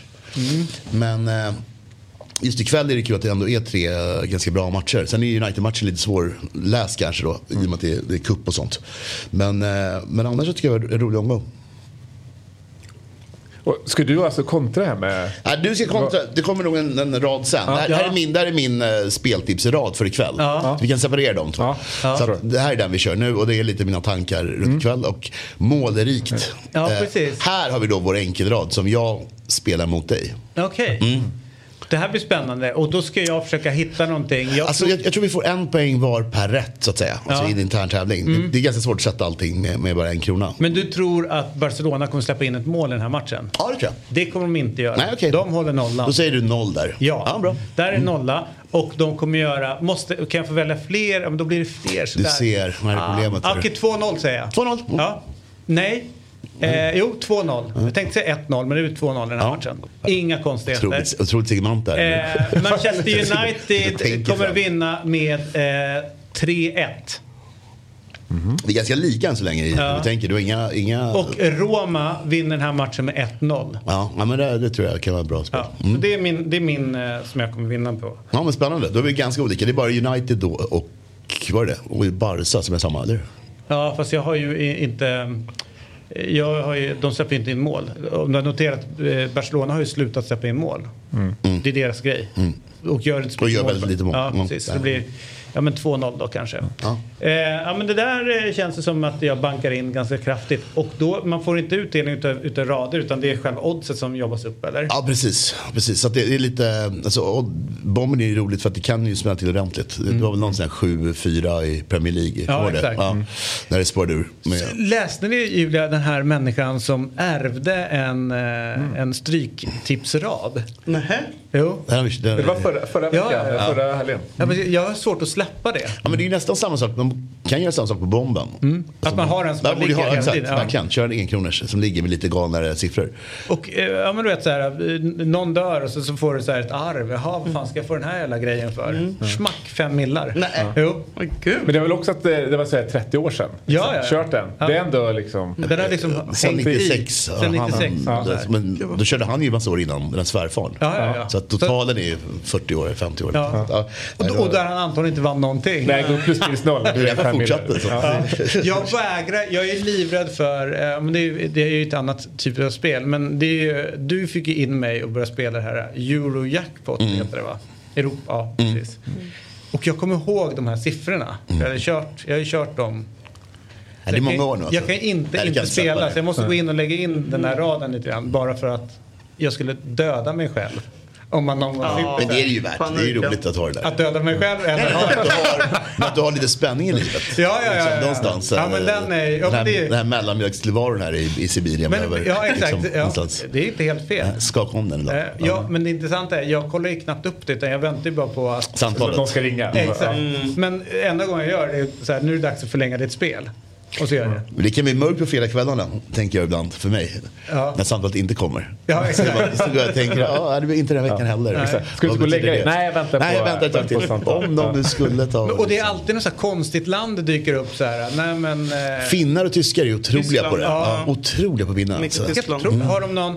Går det att eh, på Jag tror, statistiskt jag tror att finnar per capita lägger rätt mycket på, på, det, på Östeuropa. Jag, jag tror det funnits så här länge liksom. Ja. Ja, det är det. För, eh, I England så har de ju National Lottery som kan sticka, sticka iväg ganska kraftigt. Och det kallas ju numera för the poor man's taxes. ja, sånt som- Stackare alltså. Ja. Stackare. Eh, Tips-SM. Ja. Vi har lite problem. Ja. Eh, därför att eh, det drar igång alldeles strax. Och vi ska ju ha liksom fem stycken i vårt lag. Mm. Och vi kommer fram till att det var du, jag, Jesper och eh, Robin. Mm. Nu eh, bollar ju då Otto upp att vi ska trycka in Agne Jälevik i det hela. För det är hans morbror. Mm. Ja. Och han känner att han inte ska vara utanför Nej, nej, nej, jag håller med. All right. Men eh, Dilba svarade ju och tackade ja till min vänförfrågan. Är det sant? Ja. Vadå Dilba? I'm sorry Dilba? Ja, ja. I'm Åh, herregud. sorry. Va? Ja. Aktuell person. Vad va, vad sa hon också om förfrågan? Känns, det känns Hon, hon har inte superrimligt. svarat någonting. Hon har bara Hon som sa bara ja. Ja. Inga, Och inga sen har inte jag följdfrågor. vågat agera på det. det var ju- Jag, satt, jag satt så här igår. Jag bara, hon och jag är vänner på Facebook. Och jag har inte gjort någonting. Hon, är- hon är i stort sett med. Ja, ja men hon är klar, Hon är klar. om vi bara vill. Men då är frågan, ska vi köra Agne Jälevik eller Dilba? Lämnar i mina, mina händer. Ja. Nej, men Agne Jälevik är ju eh, barndomens eh, det mesta. Eller ska ni peta någon befintlig och få in Dilba också? Kanske att jag petar. Jag är, ju, jag är det svaga kortet i den här uppställningen. Ja, det, det är din kompis. Det är din kompis, så att ni är nästan samma person då. Ja, jo, att jag, hon, Ja, ja. hon och jag kanske ska lira ihop. Lira ihop. Ja, exakt. Davids och Dilbas rad. Ja, Varje- fredag. Ja. Vilken plockar vi bort? David och Dilbas rad? Den är för Ja, dålig. men det har någonting. Vad säger Det är ett bra gäng. Ja. Men vi måste... Så här, det, det blir, du blir lagledare. Ja, det är så gammalt. Vi kan inte lägga det på Hoffman. Nej. Och framförallt inte på Inte på Robin. Robin, nej. Jag vet. Du blir lagledare och du får välja någon av dem. Ja. Men, Ja, men sen då- så kontaktar vi. Ja, och då blir det Ag- Agne Jälevik. Ja, det är ingen sämsta saken. Agne rakt in. Ja. Och då fixar Otto det. Fan vad mäktigt. Och jag tror att han är så här, riktigt duktig på. Han har ju tid också och, eh, Ja, ja, ja. Han är Så ju tidig erfarenhet. Vi behöver... och eh, pensionär. Ja. Och varit runt på engelska ligar, liga, alltså live på rätt många matcher. Sen är det kul att du har någon lite jämnårig med i gänget också. Oh. Så vi- så vi Burn, vadå, ni kids, ja, så Där vi kom kids det. kan... Ja, ja, men det Men har, har någon någonsin stått, stått för ett mer liksom diametralt motsatt val? Alltså Agne Jälvik eller Dilba. Dilba. Det är liksom, eh, kan det bli större motsatser? Mm, men det är ett enkelt val. Ja, det blev är så det det. Ja, Ja. All right, Europatipset får vi inte glömma. Eh, som snurrar på. Och det är ju bland annat kväll, kvällens matcher, eller hur? Kvällens match, det, det, det är jackpot. Det var ingen som fick 13 rätt så är det i söndags. Det var så svår rad med de Julia. här Känn dig PSG, manad. Kör ormen. Ja, nu jävlar vad kul. Erben, Adam, hela den grejen. Nej men PSG, krysset och Monza mot Juventus. Så blev det inga 13 rätt i söndags. Så nu är det en kupong som är väldigt Europatipsig. Mm. Och eh, jackpot helt enkelt. Den här kupongen gillar man ju. Framförallt de två sista matcherna. Alltså, ja, men den är ju, får, är- det är precis det här man är ute efter med Ja. Europatipset. Oxford mot. Barnsley. Ja, så jag är jättenöjd. Det, det finns ju några favoriter som ni ser. eh, lite överallt och så några stora elefanter vi ska fälla. Jag tycker att den här uh, Mainz Bayern München kan vara rolig. Etta kryss om man eh, Om man vill sticka ut. Ja, men om man ska ut efter det- jackpoten. Man får kanske lira lite, lite grann emot vad man tror. Men eh, någon, någon jätteskön spik kan jag rekommendera i match nummer 11, ettan, Royal Union. Ja. Eh, det är kupp och Antwerpens eh, anfallare och en back är borta. Och sen eh, från min tid när jag botaniserade ganska mycket i Europatipset kan jag konstatera att om ni har råd och möjlighet att helgardera så gör man det på alla franska matcher.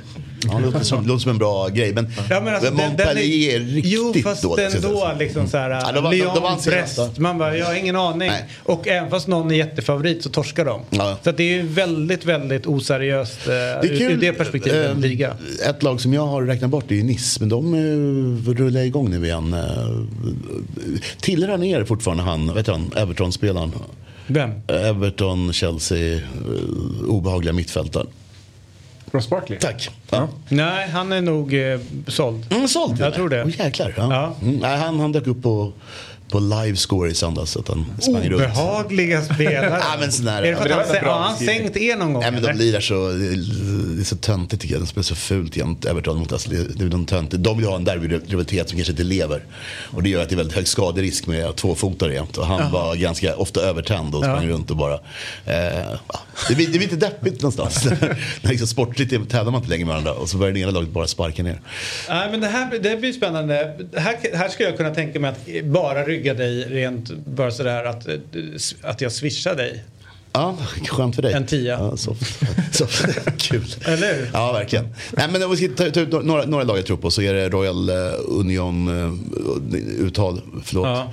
Och även eh, så, så tar jag en liten, lans för att eh, Lyon eh, vinner mot Brest. också. Det borde de ju göra. Nej, borde, alltså, man. har inte mycket bra spelare kvar. Ska vi, det har hänt rätt mycket där på sista, sista Men när året. får uh, Sarr eh, komma med där? Det borde väl vara... Ja, det är en bra fråga. Ja. Ja. Lämna upp på åttan lite grann, känner jag. Härligt! Ja, så det är roliga, roliga tips. Roliga tips Spelet för hittar du på dob.one snedstreck oddset och så finns en QR-kod som kommer snurra här uppe. I högra hörnet eh, dyker upp. Länk och QR-kod. Och som sagt var, ja, Vi kör länken bara idag. Eh, det är dob.one. Eh, så där finns ju den. Eh, och då går det bara smack. Snedstreck oddset. Eh, eh, så, så kommer man direkt dit. Eh, och glöm inte 18 år plus. Om man har problem med just spelandet och Julia inte med annat här i livet. Åh, jag mår så dåligt. Eh, så, kan, eh, så finns stödlinjen.se och det är ett spel från Svenska Spel, Sport och Casino AB. Eh, vad härligt. Ska vi följa upp vår tävling också? Du? Vad säger du? Följa upp vår Ja. ja. bomben-tävling. Ja. Ja, vad spelar de nu? Alltså vad får vinnarna? Nej, Nej, men det blir väl fler bomber? Man kanske kan ha en liten liga någonting. Jag har ingen aning. Jag vet inte, Det- det men däremot så tänker jag att han kan Gröt. bjuda mig på en lunch. Gröt, Ja, gröt Ja. på... Gröten på alla Lo. Ja, där har har du testat den någon gång Julia? Vad? Gröt, gröten här borta på alla Lo, kaféet. Alla Lo? Ja, det, det är ett café. Nej. Är den bra eller dålig? Den är briljant. otrolig. Och jag är i normalt sett en gröt, eh, ursäkta uttrycket, hatare. Är det havregrynsgröt eller risgröt manna? Vad snackar vi? Hur fan ska jag kunna veta Nej, men det? Jag tror att det är Men havre. du vet de- fan? Jag tror att det är havre. Det är något modernt, tror att det är något modernt eh, sädesslag. Ja, det är något modernt. Som ska Är det ljus eller grov? Liksom? Mm, ljusgrå. Den är ljusgrå, den är bara god. Ja. Och så det är fikon och grejer. Den är... Strax tillbaka. All right, vi är strax tillbaka. Vi är strax tillbaka.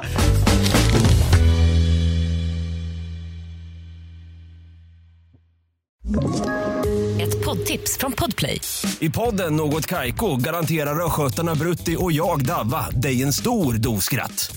Där följer jag pladask för köttätandet igen. Man är lite som en jävla vampyr. Man har fått lite blodsmak och då måste man ha mer. Udda spaningar, fängslande anekdoter och en och annan arg rant. Jag måste ha mitt kaffe på morgonen för annars är jag ingen trevlig människa. Då är du ingen trevlig människa, punkt. Något Kaiko, hör du på Podplay. Därför är gardinerna. Då är vi tillbaka i eh, Fotbollsmorgon och eh, här är det i full fart eh, och det är kul. Eh, det är Helene. Barnekow är här eh, som alltså är en av dem som kandiderar till ordförandeposten i Svenska Fotbollförbundet. Och vi har ju intervjuat eh, Lars Christer, han har ställt upp. Mm. Helene ställer såklart upp. Men inte Reinfeldt. Nej. Han eh, duckar, fortsatt Ja, duckar. Eh, och det är ju inte liksom kompatibelt med uppdraget. Varför gör han så tror du? Därför att jag tror att han kanske tycker att han är lite för stor för att eh, ställa upp och prata med folk om den här, eh, den här posten. Utan att eh, det, man får höra av sig till någon presstalesperson eller någon liknande medie, mediekontakt. Och de eh, uttalar sig typ bara i sms. Så att eh, han uttalar sig till eh, några få eh, utvalda inom eh, eh, ja, valberedning. Ja. Och de som får rösta. I övrigt så tycker han inte att han ska uttala sig. Nej, och det börjar, Eller bli intervjuad. Tiden börjar rinna ut där också.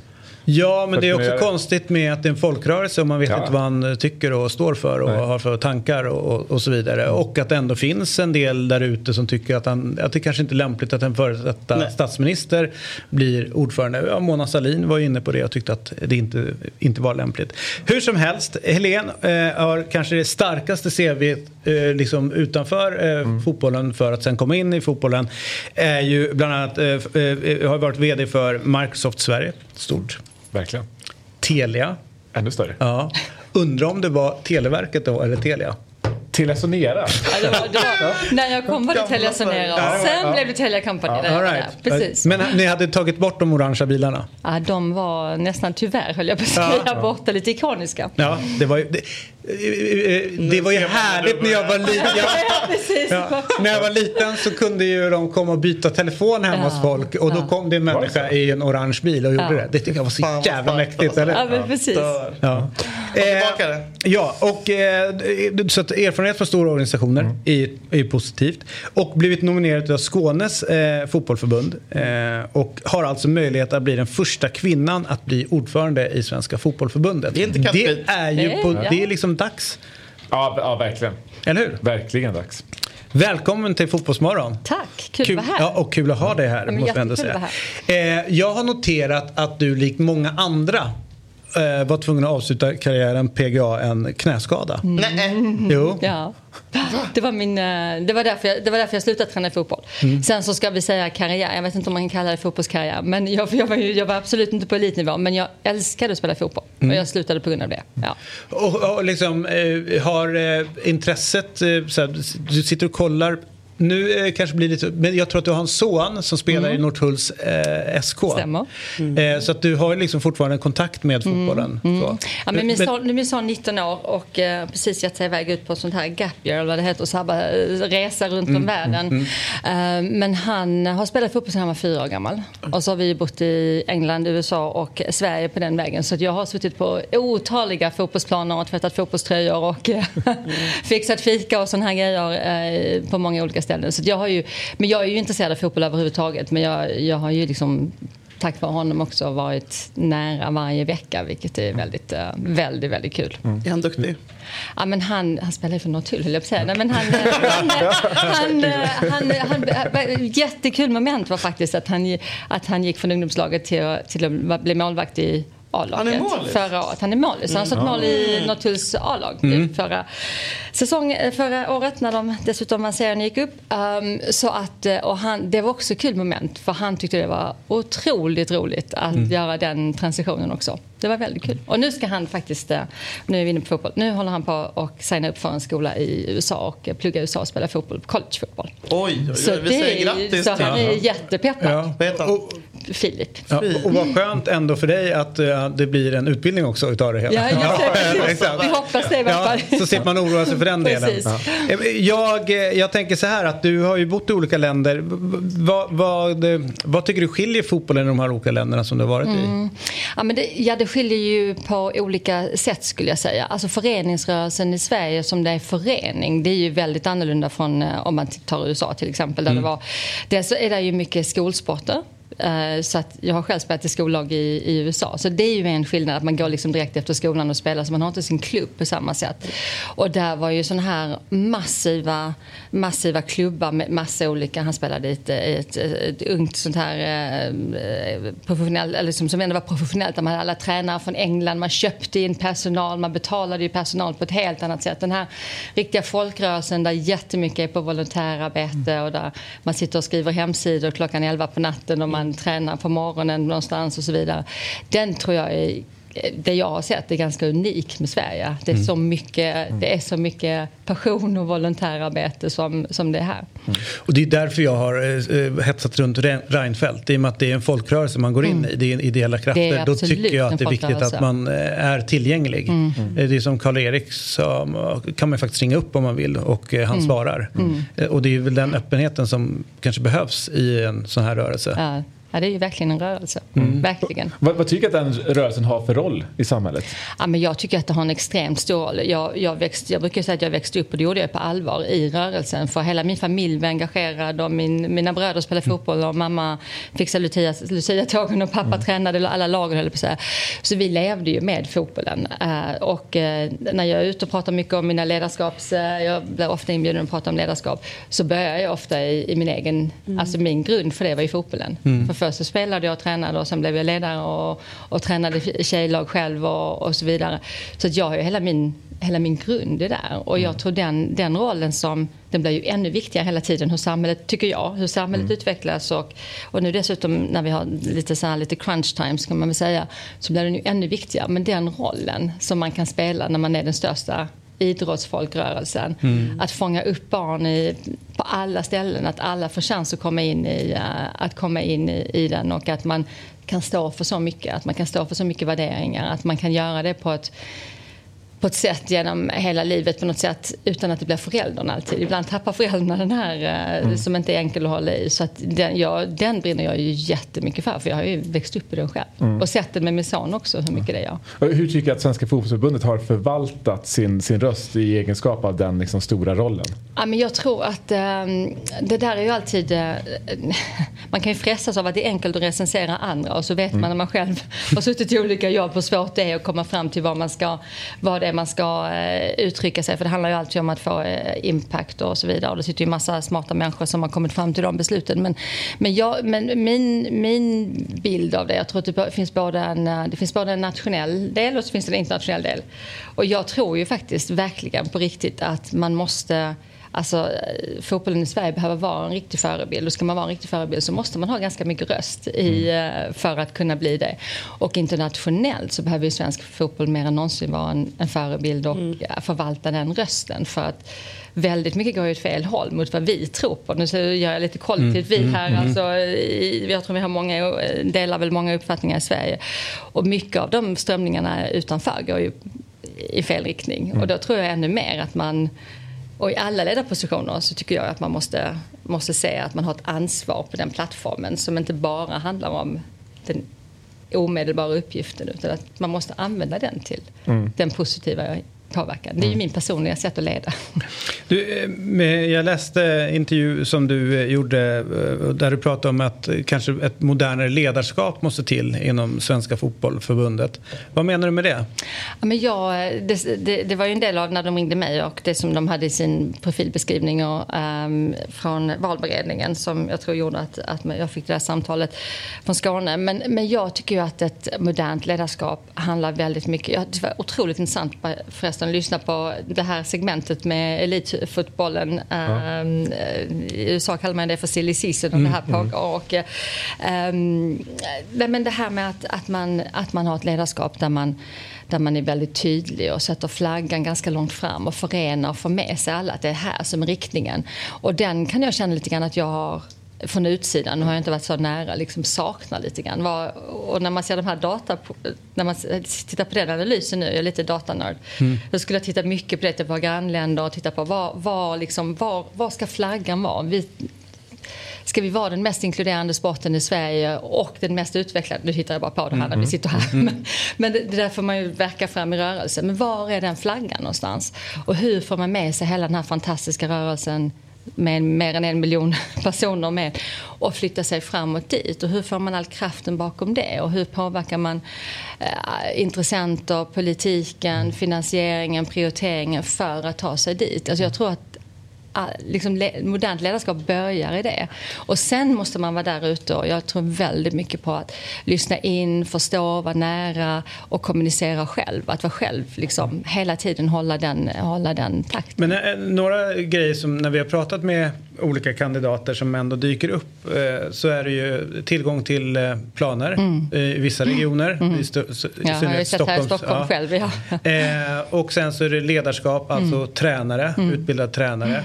Och sen är det faktiskt en kostnadsfråga Mm. där det börjar bli väldigt dyrt. Ja. Hur skulle du, eh, om, vi hörde nu att en framgångsfaktor för exempel Norge Mm. är att de har fler inomhushallar Ja. eh, och fler planer. Mm. Hur skulle du göra för att komma till rätta med de tre Nej, men jag punkterna? tror det, ja, precis. Och jag tror det är en jätteviktig fråga, åtminstone i vissa delar av landet. Det finns säkert delar där inte det, planer är så stora. Nej, men har här ledare- är, och där är det ledare- ja, istället. precis, och här det- är det ju verkligen planer, jag har ju sett det. Nej, men jag tror att den, den frågan är ju jättestor och eh, jag skulle nog samla den på betydligt högre upp på agendan. Jag, jag ser ju vad Norrtull har gjort för att kämpa i Stockholm för att påverka. motvind, kan man I säga. motvind. Och att man gör det själv klubb för klubb. Så hur samlar man det och hur kan man berätta den? Hur kan man verkligen berätta den impact det har om det får, finns ordentlig tillgång med planer? Mot att man inte gör det. Vad är det för impact på både elitfotbollen och samhället med att vi missar? Vi missar ju en massa barn Mm. som inte kan spela fotboll idag. Det, det är ju en anledning Mm. tror jag. Och på andra ställen då, hur kan man, hur kan man stötta de klubbar med tränare?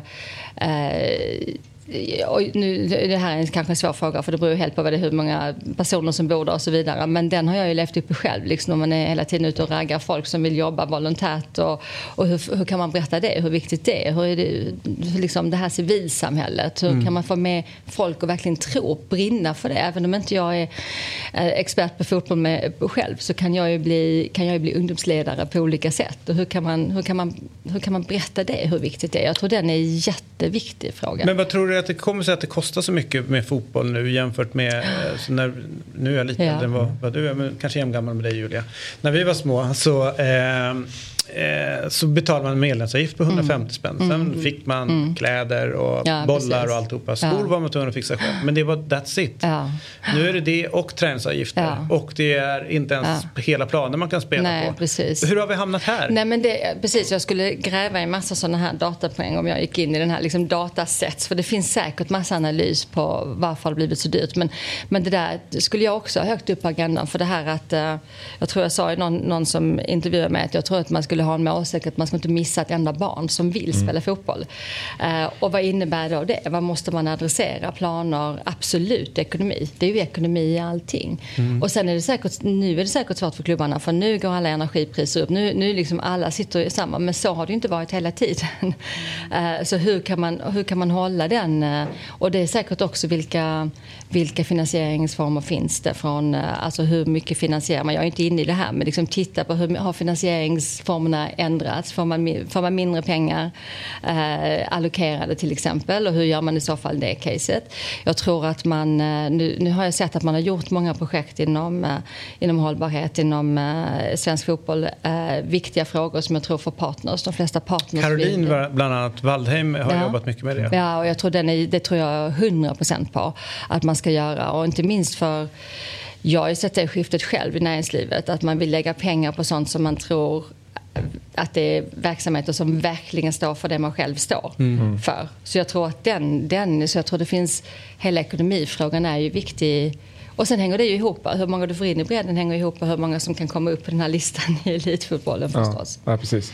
Du, jag, jag, innan, ursäkta, Ja, innan, så att du, I en intervju med Sportbladets eh, duktiga reporter Mikael Wagner Mm. så, så fick du en fråga om 51%-regeln. Ja. Jag tycker att du var lite svävande Var jag svävande? Ja. Okej, ja, det var nog Alltså, jag fick vara kort. Jag hade fått ja. instruktioner att det skulle Okej. vara kort. Är du för eller emot den? Nej, jag tror ju att jag, eftersom jag kommer från folkrörelsen själv så tror jag ju att den är ju viktig för att behålla den här, att, att rörelsen får vara med och bestämma. Den är ju svår. Om, om det börjar glida över i den så kan det ju vara svårt att behålla den, den Ja, men den dynamiken och det vi har byggt på. Sen så betyder inte det att inte det är viktigt för elitklubbarna att kunna liksom, hitta eh, sätt och finansiering och så vidare. Den är också viktig. Men jag är ju för, 50, eller jag är ju för att, att vi ska behålla det vi har, Mm. så att säga. Mm. Att det liksom, vi måste få bygga vidare på den. Jag tror att det skulle bli... Jag tror, nej men jag tror det har tjänat eh, Sverige och fotbollen jätteväl. Sen tror jag man måste det här, sätta flaggan längre fram, förstå vad det är som flyttar sig och utveckla den. Det tror jag man behöver göra. Mm. Men du, har, du kommer ju från näringslivet Mm. där och jag kan tänka så här, Eh, vi ser hur, eh, vi kollar på andra liknande fotbollsmarknader, Sverige, Norge, man har, det är, det är inte bara liksom övergångssummor som är större Mm. där utan även liksom sponsor, Mm. eh, sponsorintäkter. Mm.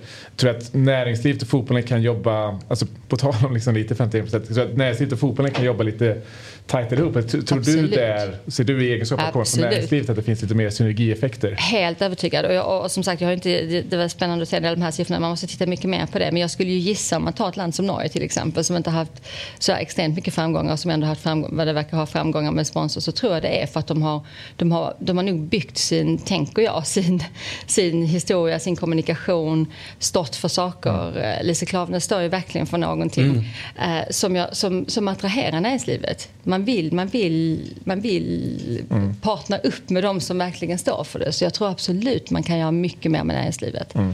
Verkligen. Va, Julia, vad, vad tänker du kring eh, så mest akut från ditt perspektiv? För du är ju ändå, alltså, du spelar inte men du är ju väldigt nära fotbollen. Vad, är det som, vad tycker du skaver? Att vi i Sverige är så dåliga? Nej men rent generellt inom fotbollen. Alltså, det, Ja du David, jag vet inte.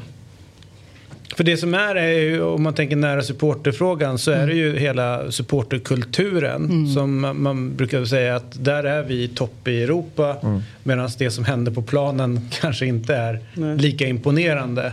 Men det känns som att det blir, eh, eh, det finns eh, liksom det finns en spricka någonstans Mm. mellan etablissemanget Mm. och eh, supporterrörelsen. Hur, hur upplever du det hela? Nej men den är ju inte, och den, som sagt det är sådana saker jag måste sätta mig in i. Den är ju också, alltså supporterverksamheten är ju klart jätteviktig för det är också en utveckling av fotbollen och kulturen och allt det här liksom. Allt det här ska ju vara något som är, allt ska vara lustfyllt liksom på något sätt när man, när man har en sport. För ska man utveckla den då ska det vara lustfyllt att gå på en match. Det ska vara lustfyllt att vara vad man nu än är, AIK eller Hammarbyare eller i den här stan måste man Mm. verkligen ha koll på. Man ringer in folk. Men, Ja. men eh, det, det, ska, det ska det ju vara. Det är ju en jätteviktig del av att man, att man lyfter det. det behövs, och det behövs ju förebilder.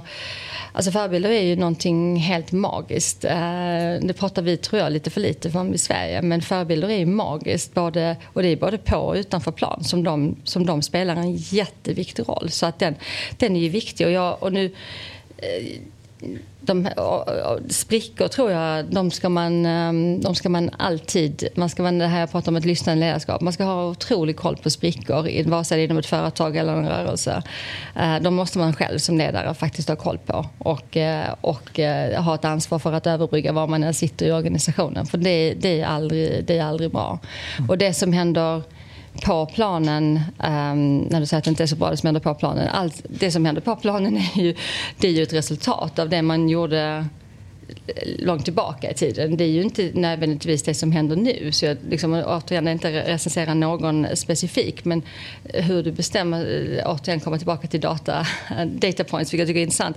Allt, allt man bestämmer nu kommer ju vara ett resultat 10 år från nu eller 15 år Mm. från nu. Så fattar vi verkligen de resul- beslut som behövs Mm. för att vi ska föda det vi vill se på planen om 10 eller 15 år. Det är ju nu man gör det, eller 20 år till, till och med. Ehm, För du är inne på det, så här, men ett visionärt ledarskap kan liksom attrahera eller brygga, överbrygga fotbollen och näringslivet. Och jag menar i, i den här frågan, för där kan väl jag känna lite att eh, svensk fotboll, Svenska fotbollförbundet inte har varit en röst eller tagit ställning för alltså det som är vår bästa export, vilket Mm. är supporterskapet. Eh, Tror du där även att så här, ledarskapet kan, kan brygga det? Jag tänker lite vad, vad du skulle göra i Mm. rollen som ordförande för att liksom lite mer kanske värna den eller, eller Mm. brygga den här sprickan. Mm. Ja, men det tror jag. Jag tror att... eh, Jag tror att eh, mm, och, och som sagt, jag har, skulle jag gå in i den här rollen så skulle jag spendera mina första, första eh, det gör jag alltid, eh, första veckor med att bara lyssna av. Lyssna. Och då menar jag verkligen lyssna av liksom klubbar, bredd, elit, supporterklubbar. Alltså att man, supporter, så man, man, man måste få en känsla för vad det är man, man sen eh, vill liksom driva framåt i det här visionära ledarskapet. Men jag tror liksom ett ord som kommer till mig när jag lyssnar på olika, olika personer och läser på det man kan läsa på. Sen, sen så har jag ju inga insights riktigt. Men alltså det, man, jag tror man behöver, förena, man behöver förena de här krafterna. Och det är ju enorma krafter. Alltså jag menar på ett positivt sätt. Det är ju fantastiskt med det här engagemanget. Alltså jag tror verkligen att Sverige är unikt med det här engagemanget rakt igenom hela linjen. Så hur förenar man, hur förenar man det? Det tror jag är en av de, jag tror att det är en av de viktigaste sakerna. Och på samma sätt med bredd och elit. Att det, att det är, det är en symbios eh, där man är verkligen Men det finns en spricka som alla pratar om inom fotbollsfamiljen eller inom rörelsen. Hur, hur upp, upplever du den? Hur ser du på den? För Lars-Christer säger så här, han kanske är mest lämpad och, och liksom, eh, läka de här såren Mm. som finns. Vad är det för spricka du ser? Nej men, nej, men Lars-Christer har ju klart insyn på vad alla sår är för någonting. Det har ju Mm. inte jag. Så det måste man ju, eh, kommer man utifrån så måste man ju först förstå vad det är som, både vad det är för sår som finns där och orsakerna till dem. Och vad är det som, innan man man kan liksom säga så här eller så här. Sen tror jag ju att, eh, att i ehm, i, eh, i nästan, eller i princip alla ledaruppgifter jag har blivit uppringd för eh, så är det ju ofta att man ska gå in och komma med ett nytt ledarskap och bygga en vision och med, liksom, adressera det som inte fungerar och, och eh, öka på det som fungerar på något sätt. Och jag, tror att,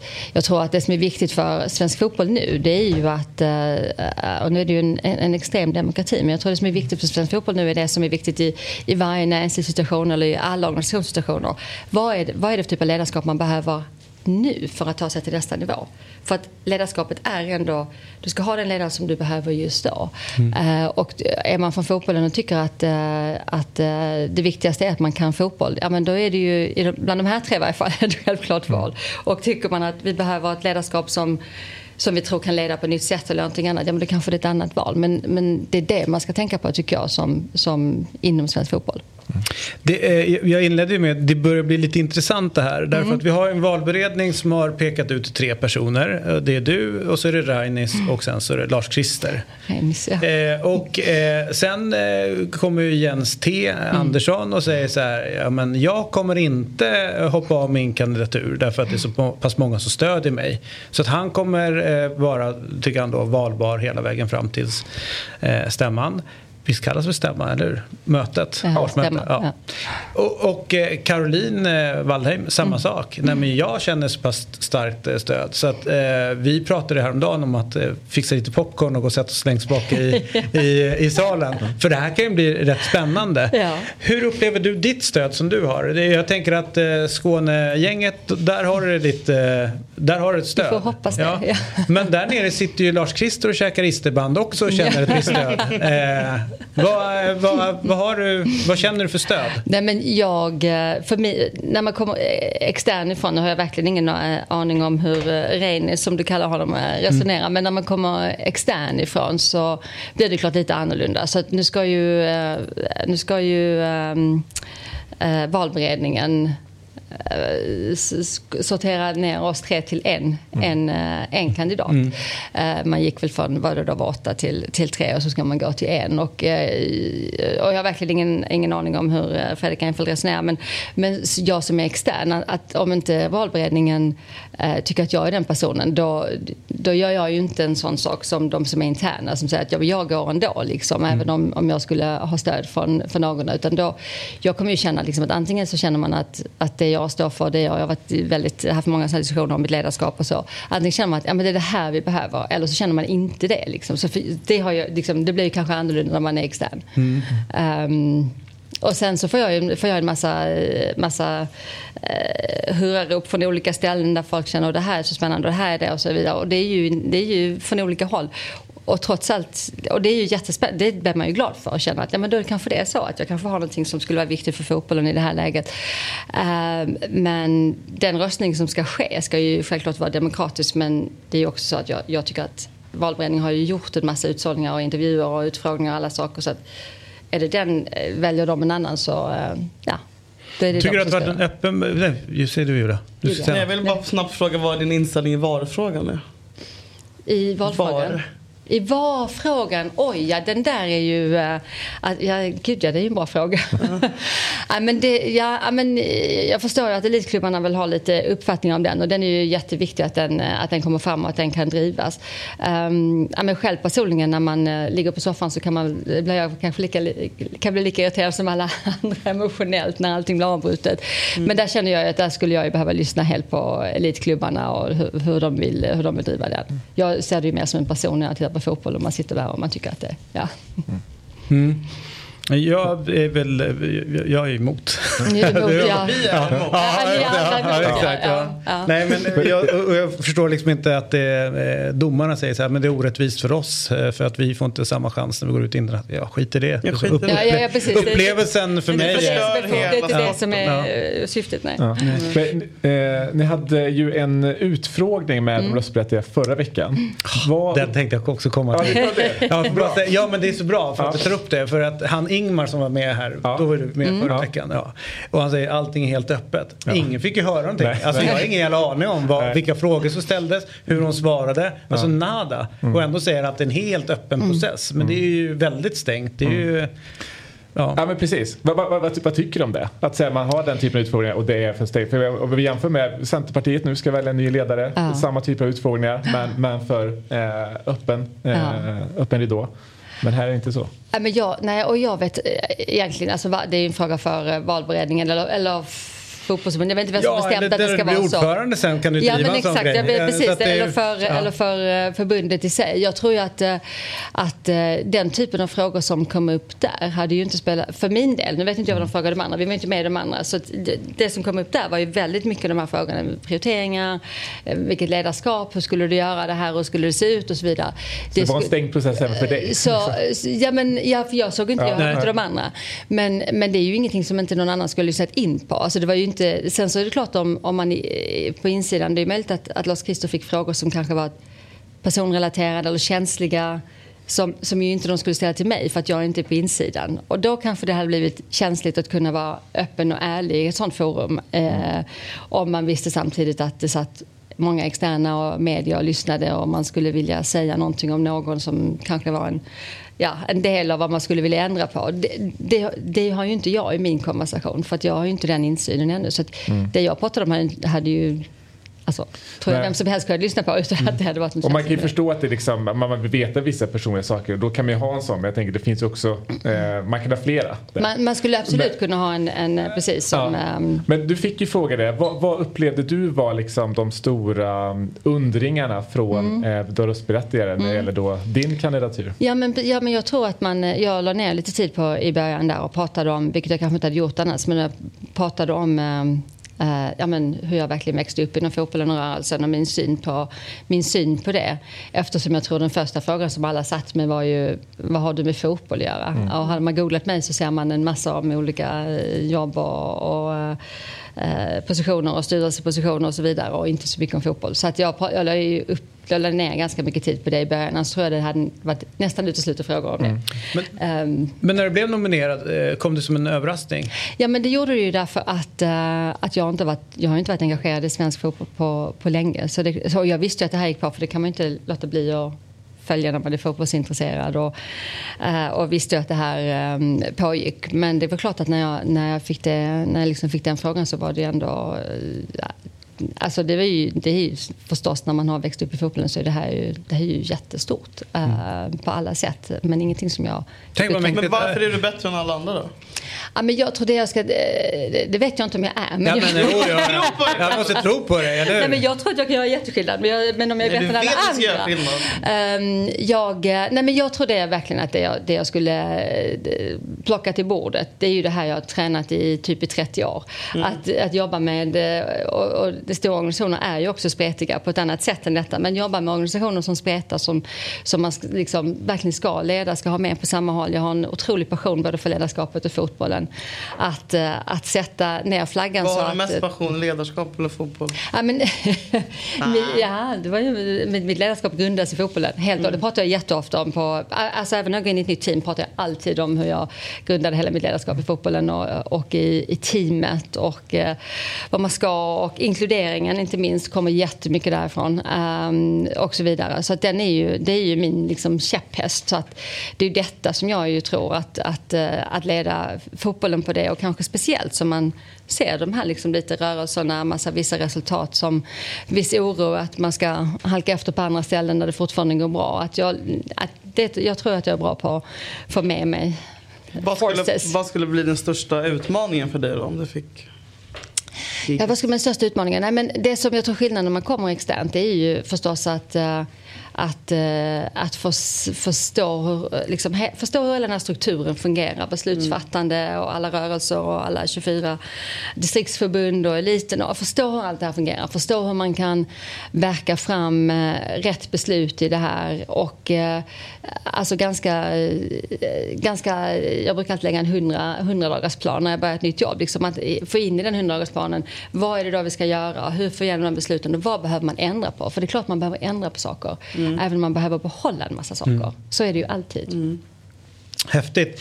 Eh, jag, jag måste säga att bara utan att veta allt mycket så känns ju Helene eh, jättebra intryck, eller hur? Verkligen. Ja. Och, och, och att vi äntligen har liksom en, en slogan i den Ja. här eh, valkampanjen också med att eh, ing, ingen unge ska nekas eh, träning. Nej, alla ska med. Eh, Alla, ja, men precis. Den kör Ragnis. eh, Exakt, ja, exakt. Det är väl anti-Ragnis, Ja, eller hur? Ja, han, Han ska med. ja, exakt. Bara han ska med, ja, eller hur? Nu kör jag. Ja, det kör jag. Men ingen får, ingen får prata med mig, utan ni får prata med min. Ja, nu kör jag. När jag kör så kör jag. Där har vi Ragnis. Ja, men det kan bli jättekul med... Han får gärna komma hit och... Ja. Undrar om han kommer eh, kräva att inte jag är här då. Nej men vad fan. Det vore rätt kul. Du är ju rasist. Nej. Men vi kanske kan, vi kanske kan gå via hans söner. Ja, men vi har försökt. Har ni gjort det? Eh, Eller, du har väl noterat att någon har pingat in eh, eh, honom i en diskussion. Mm. Alltså, Även i det läget så duckar han.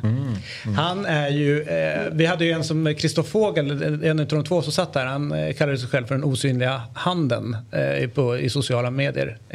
Så blir väl den osynliga ordföranden som dyker upp här. Ja. Alldeles strax. All right, vad härligt. Eh, eh, tack för den här morgonen. Vänta, vem är din bästa liksom, svenska spelare genom Ja, tiderna? genom tiden. Här är viktigt. Och genom Och tiden. vem är bäst i världen idag? Ja, och varför är det inte Daniel Tjärnström? ja, precis. Ja. men, alltså, jag har ju en... Svenska eh, goaten. Ja, men jag har ju en... en ehm, jag, jag, jag har ju en extrem eh, förkärlek och vinkling till, nej men att prata om damfotbollen då. men, då måste, men då måste det vara Malin Moström. Ja, hon är väldigt högt upp. Min första, min första sån här riktig förebild var ju Pia Sundhage. Ja. Förstås. Som Så- jag ja. tyckte var alldeles grym. eh, Jag tyckte Elisabeth. Leidinger var lite bättre. Ja, du tyckte Men det. Ja, men men, det det var- var min Du, första... Friken. Eh, Marika Domanski. Nej, det är sant. Ja. Det var för att hon var gift med, eller var, var, kommer inte hon och eh, var gift? Var, var det inte någon, är det någon så här, Ulf Lyfors och Marika, är inte det någon Värmlandskoppling på båda två? Kanske är. började med Värmland. Kan bli ett Det, nytt, det, det, program. men, i så fall, i så fall känner jag ännu starkare. Ja, exakt. Ja. All right. Okej, damfotbollsmorgon fortsätter. Ja, men precis. Jag vill göra det. Nej, men alltså, så måste jag ju säga, liksom slå slag för det nu om man tittar på svensk fotboll nu. Alltså vilka coola tjejer det finns i svenska. Alltså, eh, ja, men det finns så många. Caroline Seger, Men nu ska vi plocka lite poäng hos våra lyssnare här för att också lägga någon manlig spelare. Ja men precis, vem ska vi då lägga på det manligaste? Ska jag berätta min mammas stora idol var Ja. Hen- Henke Larsson. Ja, jag så visste han var, han Du visste var, han Det var. Household, han var household name. Han är så då blev, hon, då blev hon också. Ja. Men annars är ju Zlatan rätt mäktig får man ändå säga. Ja men det måste man ju förstås säga. Att han, nej men han är ju, det är klart att han är otroligt mäktig. Man kan ju inte säga att han inte är Kan du mäktig. se det negativa också? Det är klart att man kan. Ja. Eh, det, och, har- du, du har, nej absolut inte. Nej, men han har ju, om, jag älskar ju människor som bryter... jag, Zlatan? Älskar, jag, det? Älskar, jag älskar människor som bryter ny mark och det har ju verkligen Zlatan, Zlatan gjort. Så det är klart att det finns, något- det finns en... Skulle du detta- ha det- någon advisory board? Skulle det vara intressant eh, att plocka in... Mig och Zlatan. Ja, dig, Ab- Julia och ab- Zlatan. Absolut. eh, Herregud.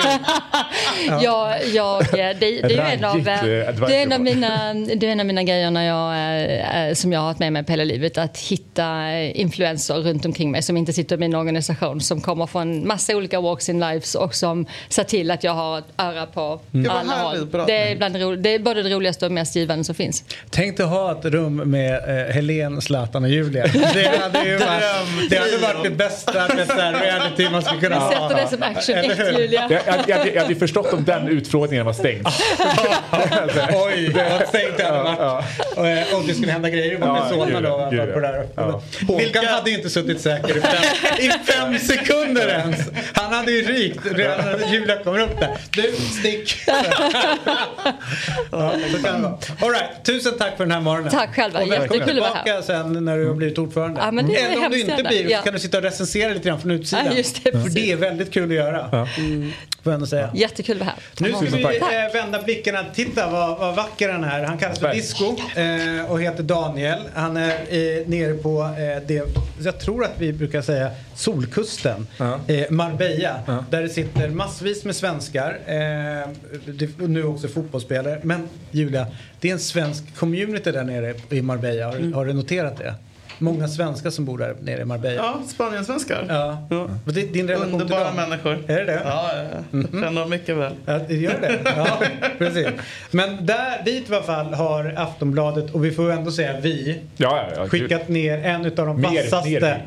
det finaste vi har från Sverige har vi skickat ner dit och det är ju disco. Ja, och det, vilken ba- det, är det en fake bakgrundsbild eller är det riktig? Men det är svårt, svårt att Det avgöra. sjuka är att den är riktig Det här- för du ser havet Det- rör på sig där bakom. Ja.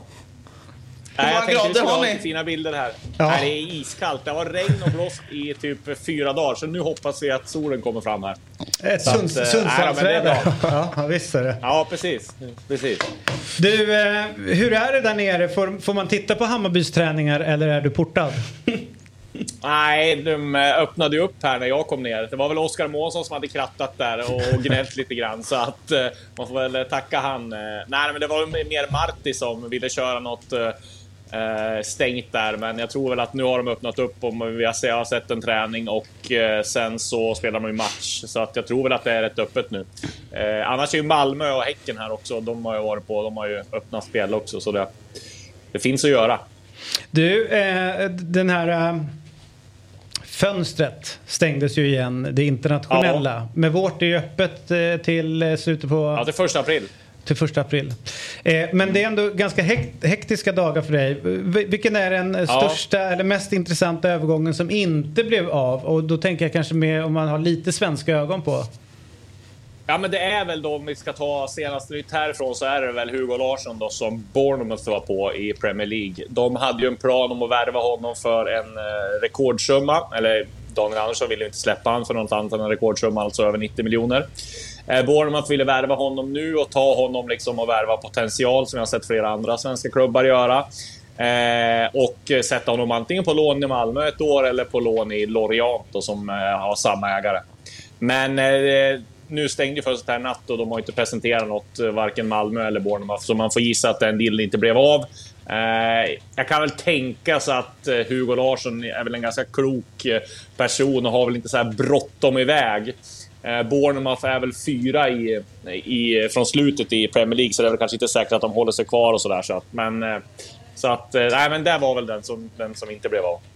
Eh, Victor Nilsson Lindelöf ryktas om att också att han skulle lämna Manchester United och gå till Ja. Inter. Blev inte av heller. Nej, precis. Det var ju inte Roma och Atletico Madrid som hörde sig för där, men där tror jag väl att Erik Ten Hag känner väl att eh, ma- eller, mm, eh, United har häng på liksom, topplaceringar och Champions League och titeln och sådär, så de vill väl inte släppa. Han ville vara ganska tydlig med att han inte vill släppa någon, men även fast Vigge inte kanske är eh, nummer ett på mittbacken nu så är väl han en ganska härlig person att ha i laget. Gnäller inte, gör sitt jobb och han kommer få spela sina matcher ändå. Det är så mycket matcher med klubb, eh, med eh, eh, ligacupen, eh, FA-cupen och allt sånt där. Så att han lär ju få sina matcher ändå, så jag tror inte han var speciellt inställd på att lämna. Däremot kan det bli någonting till sommar säkert. Elanga till Barcelona, där eh, hajade jag till lite grann. Ja, jag med. Eh, ja, du gjorde också det. Och det blev ju inte av, så vi hajade ju till Nej. utav, en, utav rätt anledning kanske. Ja. Ja, nej, men det hade varit lite coolt att se honom där, men jag vet inte hur mycket det låg bakom det. Eh, De kan väl bara låna spelare också. Det var väl på lån Elanga skulle gå. Men ja, det är väl lite bekymmersamt där för han med speltid och sådär. Han är ju inte första valet alls där hos Ten Hag. Du, vi hörde ju eh, eh, från svenska sportchefer att det är när det internationella fönstret stänger som de då kan liksom gå och blicka ut mot Europa och kanske hitta de här eh, guldkornen. Mm. Eh, vad, vad förväntar du dig att se från eh, olika klubbar i Sverige ur ett internationellt perspektiv? Alltså att gå ut och, och liksom hämta, hämta kanske mer spelare från en högre hylla än vad man kanske kan få under det, innan det internationella fönstret har stängt. Ja, nej, men jag tror Hammarby har väl något på gång där med en anfallare. Jag har inget namn, men jag vet att de har några bollar i luften där och de ska vilja, vilja ha in en nia. Sen har vi sett AIK också har väl tagit från den hyllan. Victor Fischer kommer ju ansluta till träningsläget här i Portugal nu om han... Han ska väl ha sin... Det är väl så att de ska väl betala ut eh, lön och sign-on här. U måste vara utomlands, det är väl så reglerna säger. Men de hoppas väl att han ansluter. Eh, och sen Keita ska väl också eh, gå till, eh, till AIK, Abubakar, Abubakar Keita som har spelat i FCK. Och Halmstad tidigare, det får man väl säga, kanske också är lite högre hylla, även fast det kanske inte är Fischer-hylla. Men eh, han var ju väldigt bra i FCK när, när, när han spelade där och hoppas att studsa tillbaka. Eh, men eh, i så fall är det väl Hammarby då som jag tror kommer värva något från den högre hyllan. Eh, så AIK får man säga har redan gjort klart med. Ma- Malmö har ju cash. Vad, kommer Ja. vi se någonting där eller har, har de ändrat Ja, sin... men de...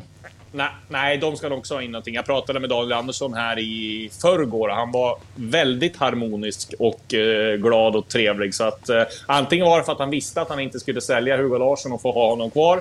Eller så är det för- att han har någonting på gång i, i bakfickan här. Men eh, där kan vi ju räkna med. Men jag tror att de måste också... Det är några spelare som måste försvinna från Malmö. Så som Jonas Knutsen till exempel har väl ingen framtid i klubben riktigt. Och de måste väl bli av med en del höga lönekostnader och så här innan de kan ta in något mer. Men där gissar jag också att det kommer komma in något.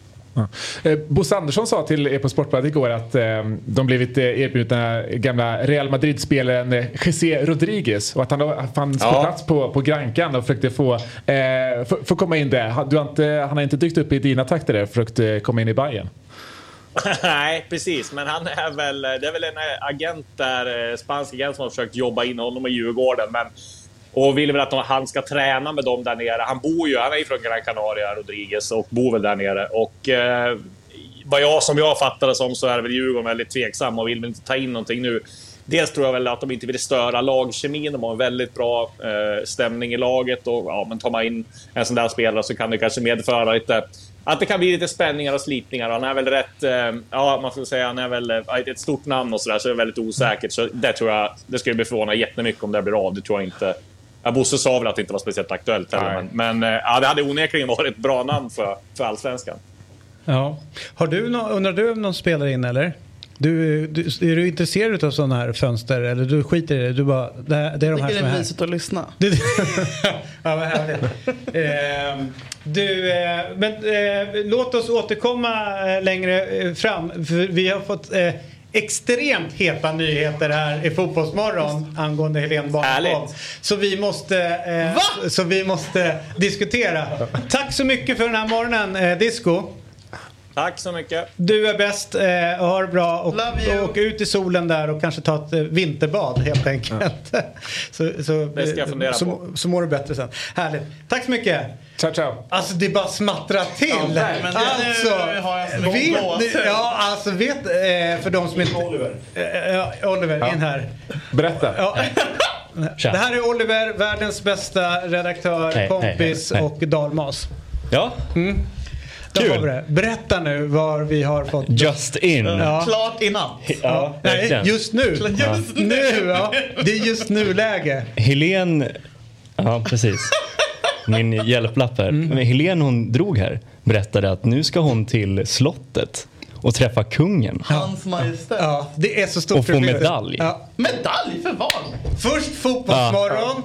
Det är det viktiga. Och så har hon sagt till kungen, du kan du hålla Vänta på den där äh, ceremonin lite grann. Jag ska bara förbi hänga med Julia Per och David och, och några till. Och sen kommer bort. Men det här är ju stort liksom. Det Det, här gör ju, känner jag, Så att Helen- nära har vi aldrig varit. Nej, nej, eh, nej, nej, nej, Men vi måste också- Du har ju varit det. Ja, jag har ju Du, varit. you're up there.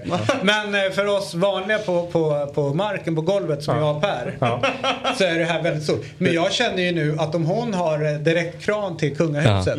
Så är hon given att bli... eh, Alltså nu får vi ihop rörelsen. Ja, nu får vi verkligen, ihop verkligen. Sverige, eller hur? Vi ska också... Nu enar vi Alltså, Sverige. Alla är med. Ja, Förstår ni- också Ja, kungen. det också. Ännu mer kvar. Förstår, vi om, förstå om vi får hit kungen före Reinfeldt. Hur mäktigt det vore. Jag tror att det är större chans att vi får hit kungen, alternativt kronprinsessan, än Fredrik Reinfeldt. Reiners har ju sagt nej till kungen. Ja, Jag, jag, har inte svarat. det är nu det är någon som ringer här och jag vägrar svara. Vänder på telefonen. Exakt. Vi ska också problematisera det här lite med att kungen får full insyn i processen men svenska Ja. folket får inte. Men jag gillar det också lite. Eh, när, när man får liksom frågan så här, vilket är ditt liksom, favorit-VM? Eller när dog liksom, fotbollen? Folk säger liksom, äh, du, Borrell säger 94 för Ja. det var då liksom, som, eh, domare hade färg på tröjan. Eh, för mig var det ju eh, 30 34. 1934. För, det eh, precis då-. Det var sista mästerskapet som, som kungen tog ut landslagen.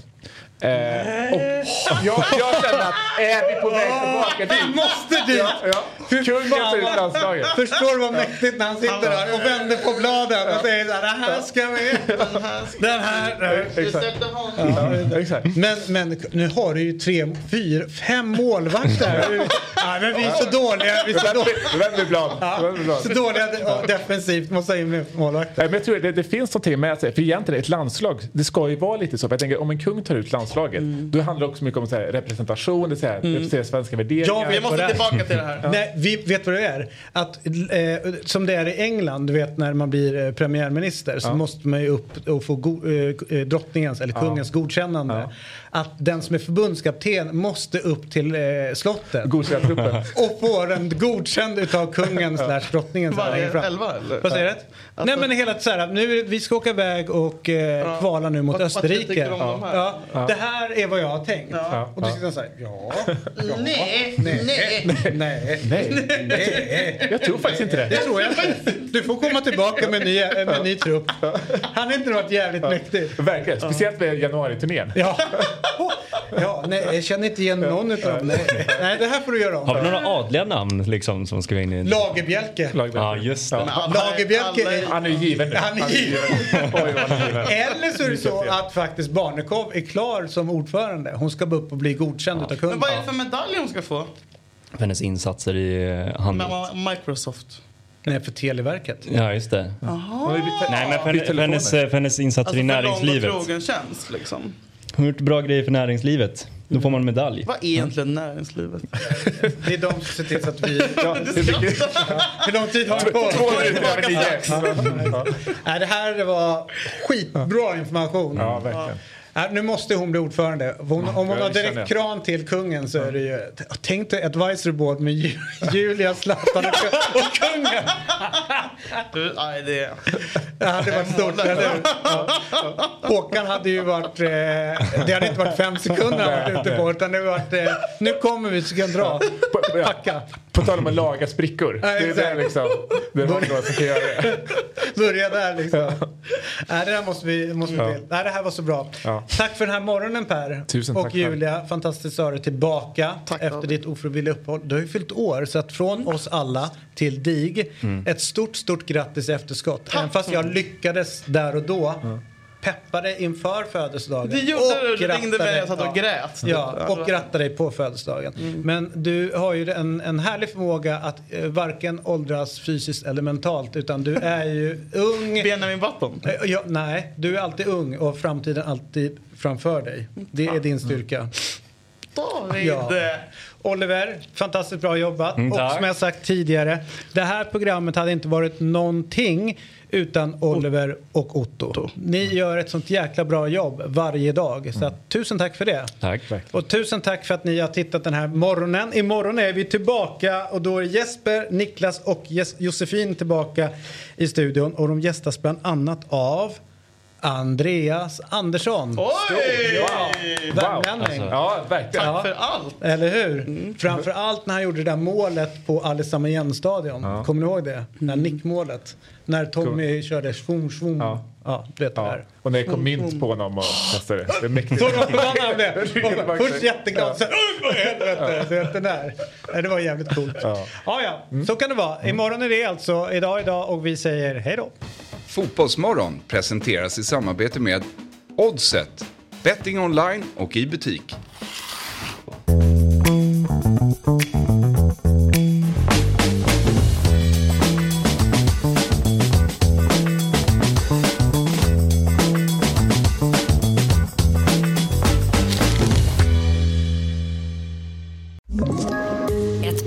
Poddtips från Podplay. I fallen jag aldrig glömmer djupdyker Hasse Aro i arbetet bakom några av Sveriges mest uppseendeväckande brottsutredningar. Går vi in med hemlig telefonavlyssning och, och då upplever vi att vi får en total förändring av hans beteende. Vad är det som händer nu? Vem är det som läcker? Och så säger han att jag är kriminell, jag har varit kriminell i hela mitt liv men att mörda ett barn, där går min gräns. Nya säsongen av Fallen jag aldrig glömmer på Podplay.